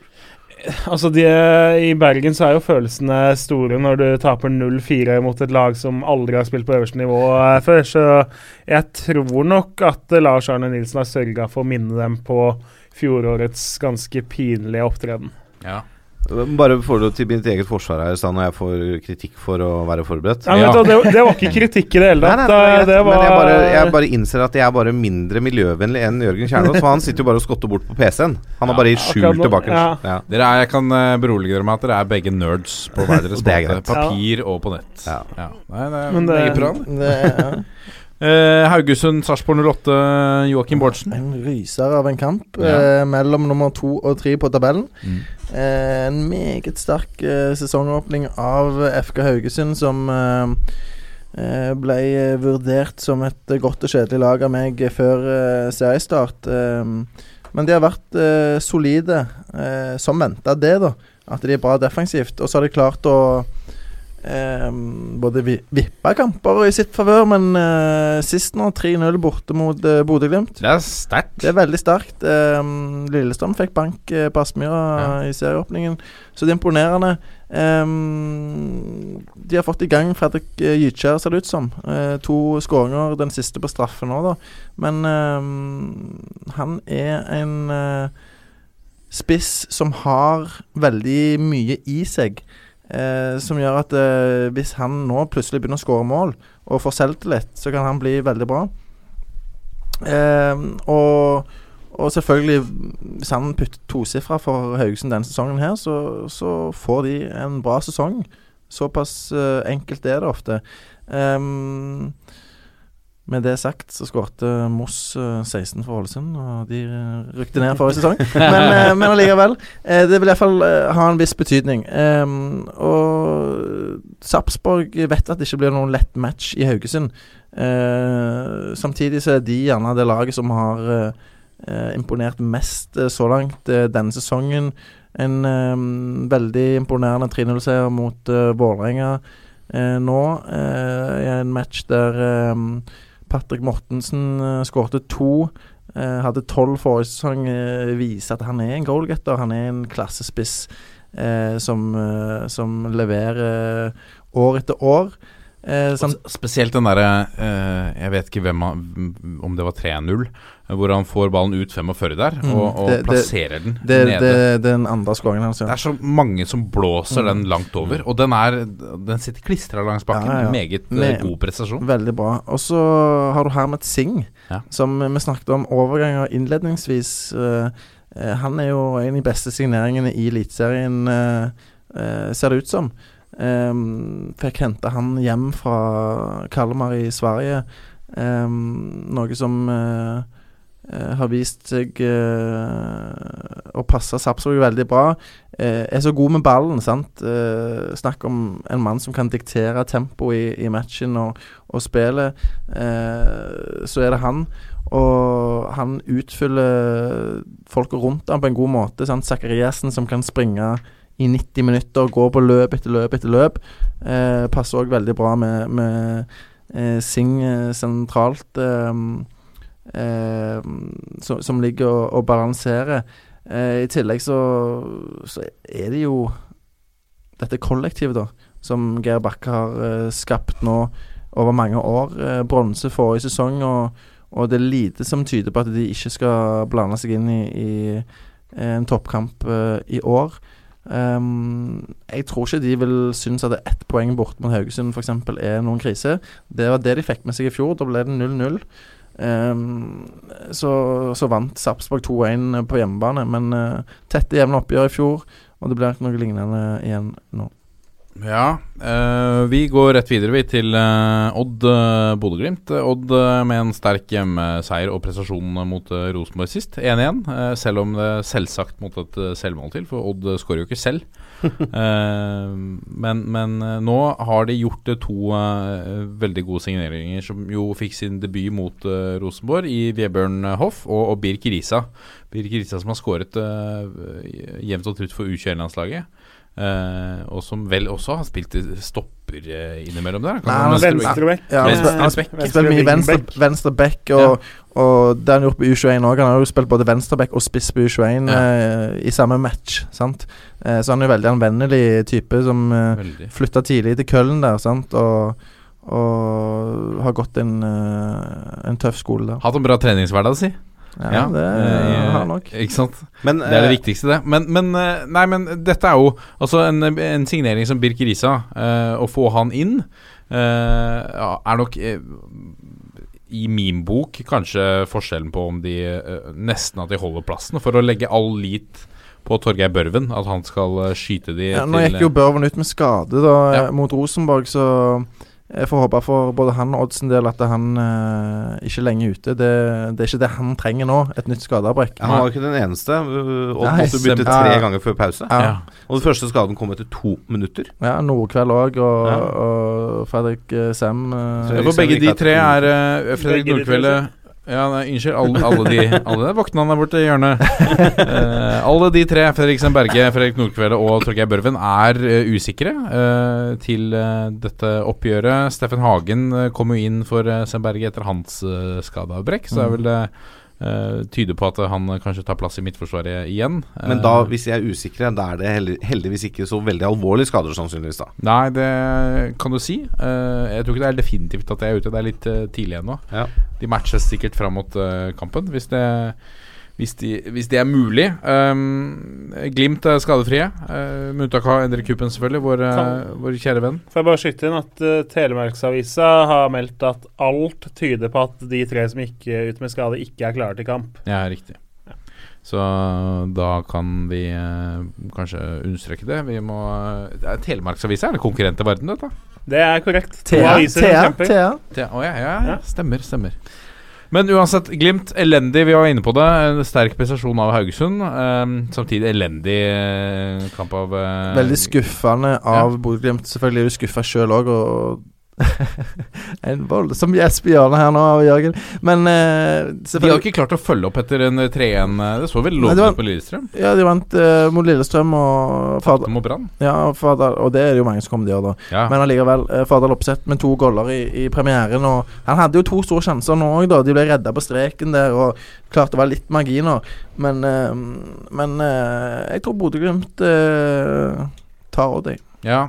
Å ja, du gjør det? Ja. Ja, jøss. Yes. Det er litt klassisk, det. da Odd etter en god prestasjon mot Rosenborg. At de kommer ned på jorda nå. Selv om det er to hjemmekamper ja, på rad også. Det er jo uh, sant, De kjemper heroisk, og, og de uh, um, tar med seg det poenget der, selvfølgelig. Og, og de skal ha all honnør for den innsatsen uh, de la ned. Det var mm. veldig bra. Men nå er det liksom tilbake igjen til en match der de må skape sjansene, der de helst skal styre spillet.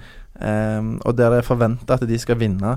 Så um, ikke, Om de ikke forventer at de skal vinne, så er det jo uh, et, uh, et, håp om det, da, iallfall blant fansen. Sånn? Så jeg tror uh, Bodø-Glimt er sterkest av de to. Ja, og de jakter i hvert fall sin første seier og har vunnet fem av de seks siste oppgjørene disse lagene imellom. Uh, vi går videre vi til eh, Tromsø-Ranheim, Bankstein. Det er ikke noe lett oppfølgermatch å reise til Alfheim? Nei, det er jo ikke det. Uh, altså, de fikk jo Vi har nevnt det i rundens øyeblikk. De, Ranheim fikk en drømmestart på sesongen når de endelig fikk spille i tredje serierunde. Og altså, de vinner 4-1. Kampen mot Stabæk kunne vippa en annen vei, fordi Stabæk hadde noen sjanser. Og altså, det, det er jo liksom Altså Det er jo litt marginer der. Og så er Ranheim veldig effektive. Jeg tror de har seks eller syv kvalifiserte målsjanser. Skårer på fire av de, så det er bra. Tromsø fikk jo, som vi husker, juling av start i første runde, og, men var bedre mot Molde sist, selv om Molde leda 2-0 og hadde egentlig kampen vunnet og kontroll på den. Eh, men etter at uh, Tromsø reduserte, eh, så fikk liksom Tromsø litt trua igjen. Og den skåringa, den nye spissen Robert Taylor, var, jo, altså det var nesten verdt inngangspengene alene. Det var jo en fantastisk eh, scoring. Så han kan jo bli eh, morsom for eh, TIL-fansen i året som kommer. Um, disse møtes for femte gang i historien. De møttes i to cupkamper og to oppgjør i førstedivisjon i 2014. Eh, da ble det 1-1 på Alfheim, og så vant Tromsø 3-0 eh, i Trondheim. Så eh, Tromsø står jo er jo nå båndlaget vårt i Eliteserien, uten poeng på to kamper, og bør vinne her for å unngå å få en i overkant tøff start på sesongen. Eh, nå har jo de en hengekamp eh, også eh, i midtuka, på onsdag mot Godset, den som ble avlyst. Eh, og Ranheim har jo også en hengekamp mot, borte mot Sandefjord eh, den eh, onsdagen. Så disse lagene har jo nå muligheten til å på en måte hekte seg litt på i hvert fall antall kamper, da. Men det blir spennende å se om Ranheim klarer å mønstre til og liksom klemme til på samme måte som hjemme på Ekstra Arena. Eh, eller om den der litt tøffe bortebanen på Alfheim, den anledningen, blir litt stor. Altså, det er vanskelig å si, da. Det er veldig vanskelig å spå hva Ranheim kommer med her og får til på Alfheim. Eh, Tromsø begynner, bli, begynner, nok å bli litt desperate etter eh, å ta en seier og få starte poengfangsten. Og jeg holder Tromsø som en favoritt, altså selv om eh, Ranheim ligger tre poeng foran på tabellen. Ja. Eh, Ranheim eh, nå eh, ett poeng foran Rosenborg med to hengekamper, altså. Så Ja. de eh, må henge i her for å holde trønderne bak seg. ja. Eh, vi går eh, videre vi til, eh, til Rosenborg, eh, som tar imot Molde. På. Supersøndag Ja.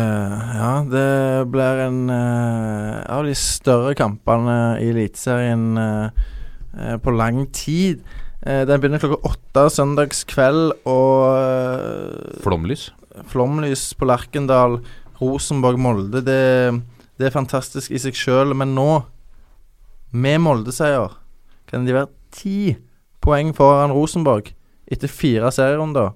Det er ganske vilt. Eh, Da, hvis det skjer, da kan vi nesten snakke om en tidlig seriefinale.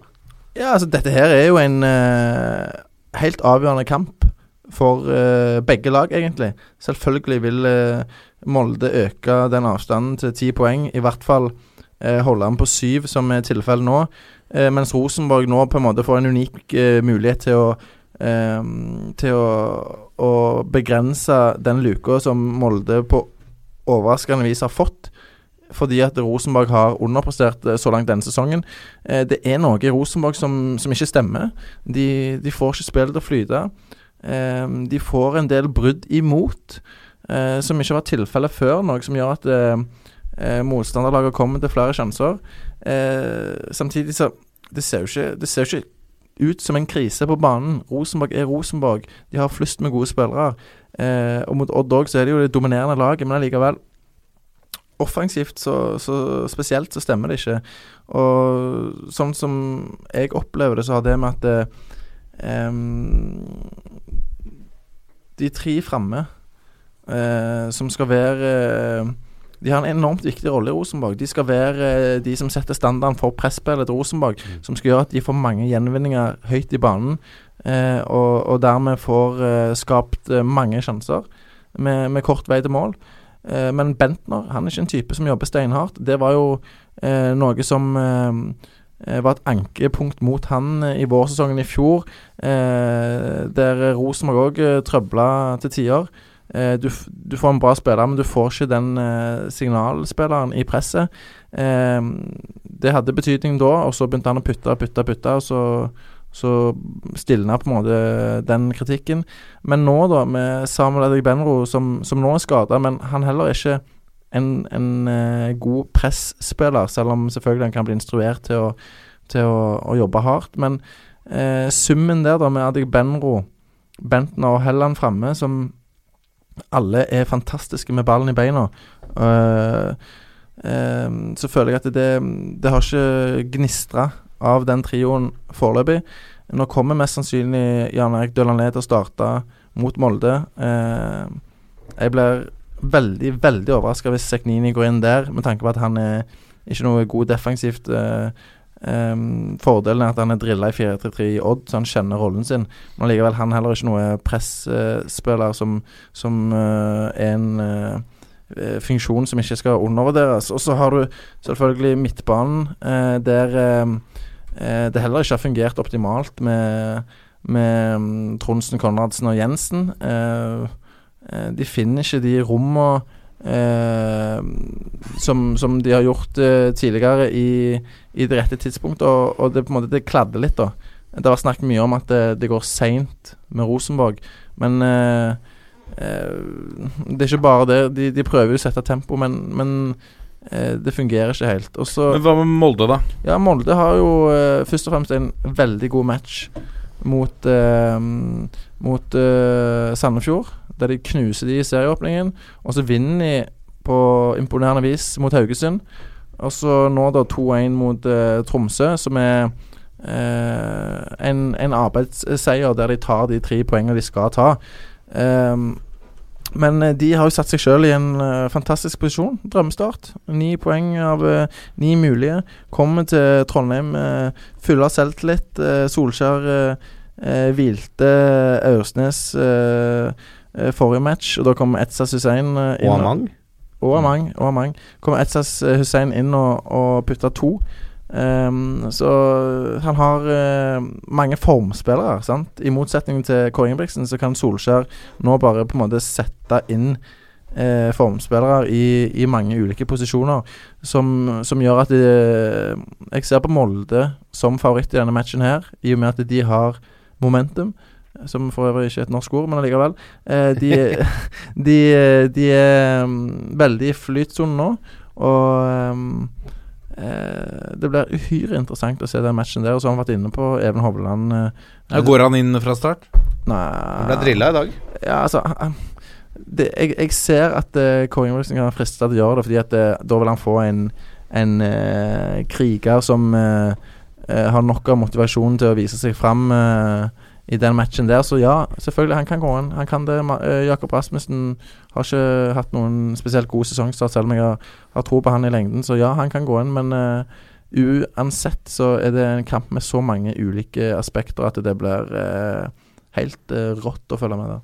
Må også ta med at Rosenborg har skåra tre mål i år, og alle har kommet på dødball. Ja. Det forteller litt om de offensive eh, Samhandlingsproblemene. Ja, ikke sant. Eh, men, men dette er jo en av de kampene i året eh, Du har LSK Vålerenga eh, der også, som er sånn hvor form Altså form er jo ferskvare, men form og tabellposisjon ikke betyr så mye. Det er sant. For det er et sånt Derby lokaloppgjør som betyr så mye i seg selv at det, det kunne nesten Altså det kan være første- og 16.-plass å møtes, og du veit ikke helt hva, hvordan det ender. Men her blir starten viktigere for Rosenborg enn for Molde. Mm. Um, hvis Molde uh, åpner best og til ledelsen, så tror jeg fort de negative tankene fort begynner å melde seg hos uh, Rosenborg-spillerne. Uh, Bentner ble bytta ut et uh, uh, snaut kvarter var det vel før slutt mot Odd. Uh, ikke særlig fornøyd med det, men uh, jeg kan jo forstå Kåre Ingebrigtsen òg. Han har en Alexander Sølem på benken som verker etter å spille, og som er en klassespiss. Eh, så, så han òg må få muligheten. Men eh, foreløpig så, så eh, jakter de svar i Trondheim, og selvfølgelig kan de få de eh, på søndag mot Molde. Og, og, og det kan skje, men eh, det blir uansett et eh, intenst og et fartsfullt oppgjør, eh, vil jeg tro. Ja. Uh, vi går videre til Komplett Arena med Sandefjord, som kommer fra denne uh, sterke prestasjonen borte mot, uh, mot Start med, med 4-1, som snudde 1-0 og viser en karakter og en styrke som vi kanskje ikke trodde bodde i det laget. Vi har dømt i nord og ned hele gjengen fra hvalfangerbyen. Eh, de eh, gjør en meget eh, god andreomgang. Kastrati går ut med skade, er det vel. Så det blir spennende å se om han er han er tilbake og klar til eh, kamp. Eh, Grorud er også usikker for Sandefjord. Men eh, som vi var inne på, Pontus Engblom kommer inn, skårer to viser at han er i, i form og viser at han har kvalitet og kan gjøre det på eliteserienivå. Er nok meget sugen på å imponere hjemmepublikummet i, i Sandefjord. Stabæk på sin side, som eh, kommer fra et eh, Altså en eh, Kanskje en nær sagt rystende opplevelse i, i Trondheim mot nyopprykkede Ranheim, som de i hvert fall ikke skal tape med, med tre måls margin mot. Samtidig så ligger det litt i kortene at uh, Ranheim, som, som uh, sto over to kamper, som det er mye oppmerksomhet og forventning i den byen, de er litt underdog Askeladd. Alle ville ville fått en tøff match der oppe, det er det ingen tvil om. Absolutt. Så, så at det kom et tap der, det, det spådde vi jo nesten for, for Stabæk. Men måten det skjedde på, var eh, ganske bekymringsverdig for uh, Tony Ordina. Så det ga han uttrykk for også etter eh, kampen. Virker som han fortsatt ikke har fått spilt inn hele laget skikkelig. Vi var inne på det, kanskje det nå er duket for Vadim eh, Demidov. Det blir jo eh, spennende å se. Um, Og Da er det mest sannsynlig Steinar Stomnes som ryker. ja, ikke sant? Uh, for Stabæks del så er vel både Njay Kassi Kassi er ute, og, Skogseid. og Skogseid skada.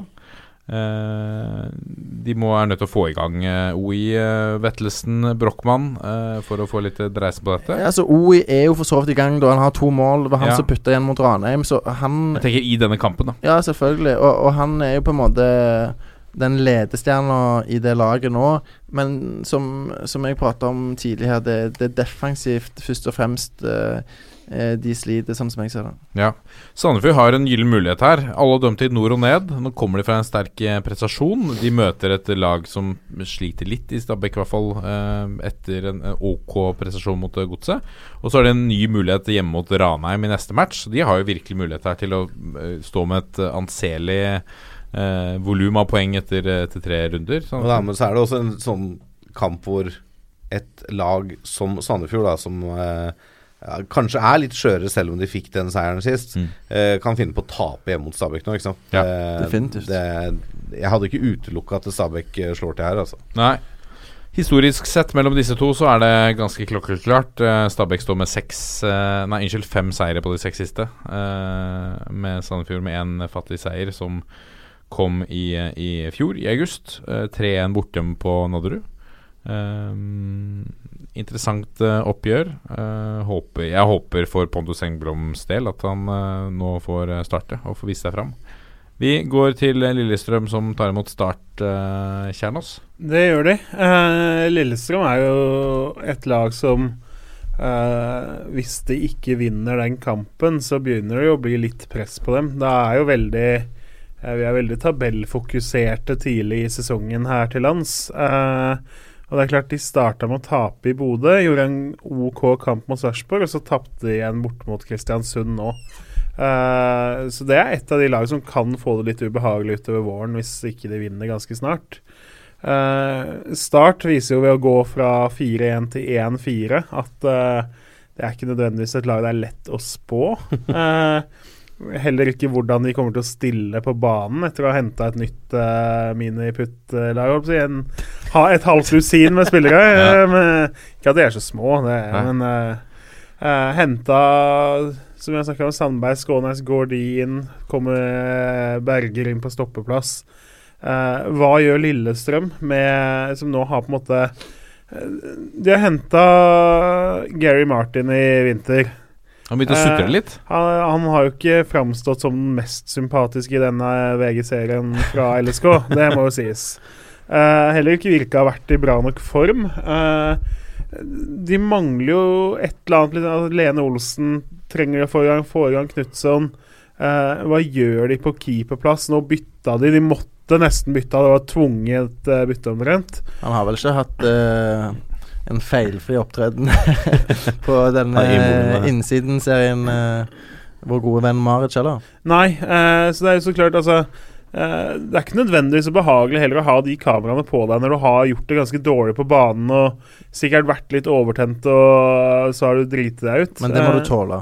Du må tåle det, men det, det kan være altså, Men det, ikke- det er interessant for Benjamin Sears, var faste bidragsyter, spurte på mail her eh, for, eh, i, før forrige runde hvor, hva vi trodde om hvor, hva slags påvirkning dette har. Og det er interessant nå, for at i medgang så er det bare pluss. Men, Ja, ja. Kanskje, men, men nå, når du har eh, kameralinsa foran deg Ja, og og så er det én ting Altså, det her blir jo lagt ut noen minutter etter at det faktisk har skjedd i virkeligheten. Det skal være nesten idet det skjer, så kan du sitte i Bardufoss og følge med på det. Eh, I motsetning til alle gutta som blir sendt et år seinere omtrent, og iskrigerne som blir sendt like lenge etter. Da er det på en måte Har du hatt en fight, uh, en krangel i garderoben, så husker du jo ikke den når den blir sendt på TV. Mens her så får når du som vraka keeper er dum nok til å liksom-tøysevise fingeren, så veit hele verden det, og klubben du er lånt ut fra, ringer deg og er sint for at du har oppført deg dust eh, den dagen.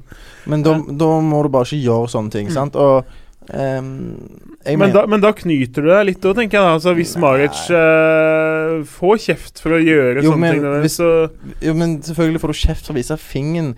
Uh, uansett hvem det er til, hvis du er misfornøyd med, med at du ikke får spille, eller hva det er. sant Så eh, Sånn kan du bare ikke gjøre. Du kan ikke f.eks. stå og rekke fingeren bak eh, eh, ryggen på treneren din. Eh, Jeg sier ikke at Maric har gjort det, men sånn, sånne ting kan du bare ikke gjøre uansett. Og, og så har han på en måte vært nærmest uheldig at det har blitt fanga på kamera, men, men, men han, da må han jo bare ta konsekvensen ja, av det. så tenker jeg da, da er jo sånn Da bruker han kvelden i Kristiansund. Han har mye følelse for når han vraker etter to svake kamper. Og så må han bruke en kveld etter å ha sittet på benken på å forsvare seg for trenere og for moderklubb og litt sånn. Da. Ja, men Det- ikke gjør det, da. Nei, men det blir jo på en måte Det blir en ekstra greie da i hverdagen som du eh, ikke nødvendigvis hadde behøvd å ha der. Eh, Ja, men det, for, det, det må de bare tåle. ja, de må tåle det, men altså I motgang, da. Jeg tror ikke det er eh, Det er ikke forsterkende for prestasjonen, i hvert fall. Nei, det- Jeg tror ikke det er mange promillene det gjør av utslag, men eh, Jeg, jeg, mener, ja, jeg mener at det bør ikke ha noen negativ eh, eh, påvirkning på det laget. Det eneste som jeg ser sjøl eh, kan være en faktor. Det er at eh, de går rundt og tenker på at eh, eh, dette her blir vist på VGTV, og, og at de på en måte blir sett av mange. De tenker litt over det, og at de gjerne da glemmer å, å fokusere på disse berømte arbeidsoppgavene som de har. Eh, men det tror jeg går over etter relativt kort tid. Eh, det var nok eh, litt spesielt, og jeg vil tro at det var mest stas i, liksom i begynnelsen. Sant? Og så Oi, nå kommer de med kameraene igjen, og, og de følger med. Men etter hvert så tenker du ikke over at det er kamera der. Sant? Det er jo som Paradise Hotel. Sant? Du ser hva folk finner på der. Eh, men, Ja, de presterer. Ja, de, de leverer. men eh, men eh, det er Nå er jeg selvfølgelig enormt inhabil her eh, som prater varmt om, en, eh, om et VG-konsept. Men allikevel, eh, det er en grunn til at Lillestrøm ønsket å være med på dette her. Det, de får en, eh, en eh, sjelden profilering. Eh, folk blir kjent med, med folkene som, som bygger profiler. Det er jo sånn du bygger profiler. Eh, med å åpne opp og, og vise deg fram.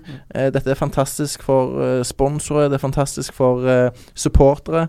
Eh, og jeg tror nok det er kjekt for eh, for eh, folk rundt omkring i landet òg å se hvordan det fungerer i en uh, eliteseriegarderobe.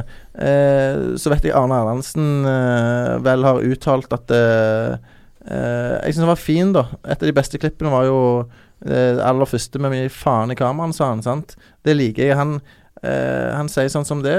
Ja, de er her, de skal følge oss. Vi har sagt ja til dette her.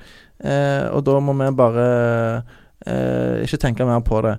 Men eh, hvis folk begynner å snakke om at eh, dette her er negativt for Lillestrøm, eh, så kunne ikke jeg vært mer uenig, fordi det er utelukkende positivt for Lillestrøm. Hvis de skal være profesjonelle fotballspillere, hvis de skal være en toppklubb som vil noe i eh, Norge, eh, så må de tåle at det, det er én person fra VG som, som følger de, at det går ut på Men, VG. men det er jo ikke én person som følger de, for det er jo 100 000 eller 500 000 eller 20 Ja, som ser klippet. Men jeg tenker jo, er du Gary Martin Han har eh, ikke vist seg fram fra en ekstremt sympatisk side og har sutra mye på ditt og datt, og det var musikk der og, som var feil, og har ikke gitt alt på trening og sånn.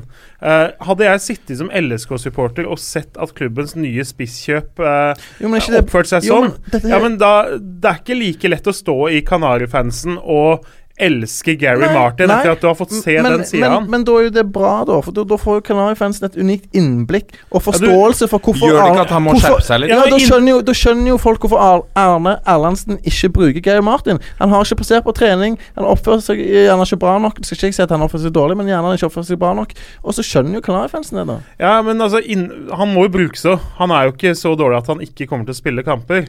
Eh, og så gjør han en dårlig kamp, da, så får du høre da på puben Så sitter folk og snakker at Gary Martin Han gir jo ikke ting på trening, og han sutrer og Men klager. da må Hva han skal du med skjerpe han? seg. Jo, men seg. jeg, jeg, jeg er helt enig med Joakim, for det er mye bedre at de får se hvorfor han ikke spiller, enn at du skal sitte og spekulere i Faen, han er trener, han er så Mm. jævla udugelig. Han benka Martin nok en gang. Han skjønner jo ingenting. Og så Bare se på VGTV, da, så skjønner du hvorfor Martin blir benka. Jo, for Han presterer ikke på trening, han treffer ikke på en pasning, han gidder ikke å løpe på mølla. Han bare sutrer. Selvfølgelig, han er, altså det, han er negativ for spillergruppa. Da må han litt på sida, og da får Nå- han bare skjerpe seg, da. Når og, og, kameraet hadde, er Men eh, det er jo ikke så lett å si altså, at fyren må skjerpe seg hvis han er eh, Jeg tror ikke han møter opp på trening, og så har han tenkt at i dag så skal jeg gi 80% eller 92 Eh, Fyren lever av fotball, han er nødt til å prestere. Uh, men du har ikke vis lyst til å vise hele ditt følelsesregister nødvendigvis Men, for men alle. hallo, han, det er han som eh, sier ja til at eh, kameraet kan følge han inn i dusjen, og, og det er han som sitter og snakker om at eh, eh, faen, nå ble jeg eh, benka neste match etter å ha starta seriepremieren. Jeg bare kjenner det på meg. Jeg vet at det kommer til å skje. Hvis du har den holdningen der, istedenfor å tenke Fuck, nå kan det være ja at jeg blir benka, men så skal jeg pokker meg bevise gjennom hele neste treningsuke. Jeg skal være så god, jeg skal jobbe så hardt at jeg skal starte den kampen i runde to. Sant? Istedenfor å begynne liksom å ah, Nå er det over. sant? Det, jeg fortjener ikke å se på benken, men jeg kommer til å gjøre det. eh, Hvis det er holdningen din, så må du, så må du revurdere tankesettet. det, er, det er ikke så lett. da Du har jo, Hvor mange har de i stallen? da? 25 mann. Uh, du har ikke 25 like personligheter. Eh, noen har helt sikkert bra å få de kameraene som en push, og kan bruke det for å faktisk uh, få fram enda mer på treninger. uh, vise en bedre side av seg selv. Og så har du garantert noen som syns det er så ubehagelig der at de knyter seg enten sosialt Jo, men, jo, men, eller sportslig. da jo, men tror du Geir Martin syns at kameraene er det som har gjort at han har hatt en dårlig seriestart? Eller er det Arne nei, nei, han altså- er sur på? Nei, det er, altså, det er ikke så stort problem, men at det på en måte kan være med på å lage de små promillene som kan skille, da. Som gjør at han knyter seg litt istedenfor å åpne seg litt. Eller en annen spiller som uh, må bruke da tida på å forklare seg for at han viser Vi- fingeren. og vi. Ja, bare, bare- jeg, jeg, en siste ting. Jeg, jeg ser den, men det, dette er toppfotball. Det er ikke noe sånn eh, Det er ikke, det er ikke noe sånn uh, lekegreier. Sant? De må, det er beinhardt. Det er en kynisk bransje. Uh, og jeg syns ikke dette her er, er egentlig en del av eh, den kyniske sida av fotballen heller. Men dette er profesjonelle fotballspillere som må takle at de, de får oppmerksomhet. Ja, det, De, nei, altså, jeg altså, må, er- jeg må nei, være nei, Fredrik Solvang i Dagsnytt 18 her nå og, og altså, De er bryte proffe, da, men tenk på uh, Pellegrino. Ja. Han hadde én episode i Alle gutta hvor han framsto som en usympatisk Han ble tufs. for det. Ja. Uh, all, folk husker Amahl Pellegrino nå.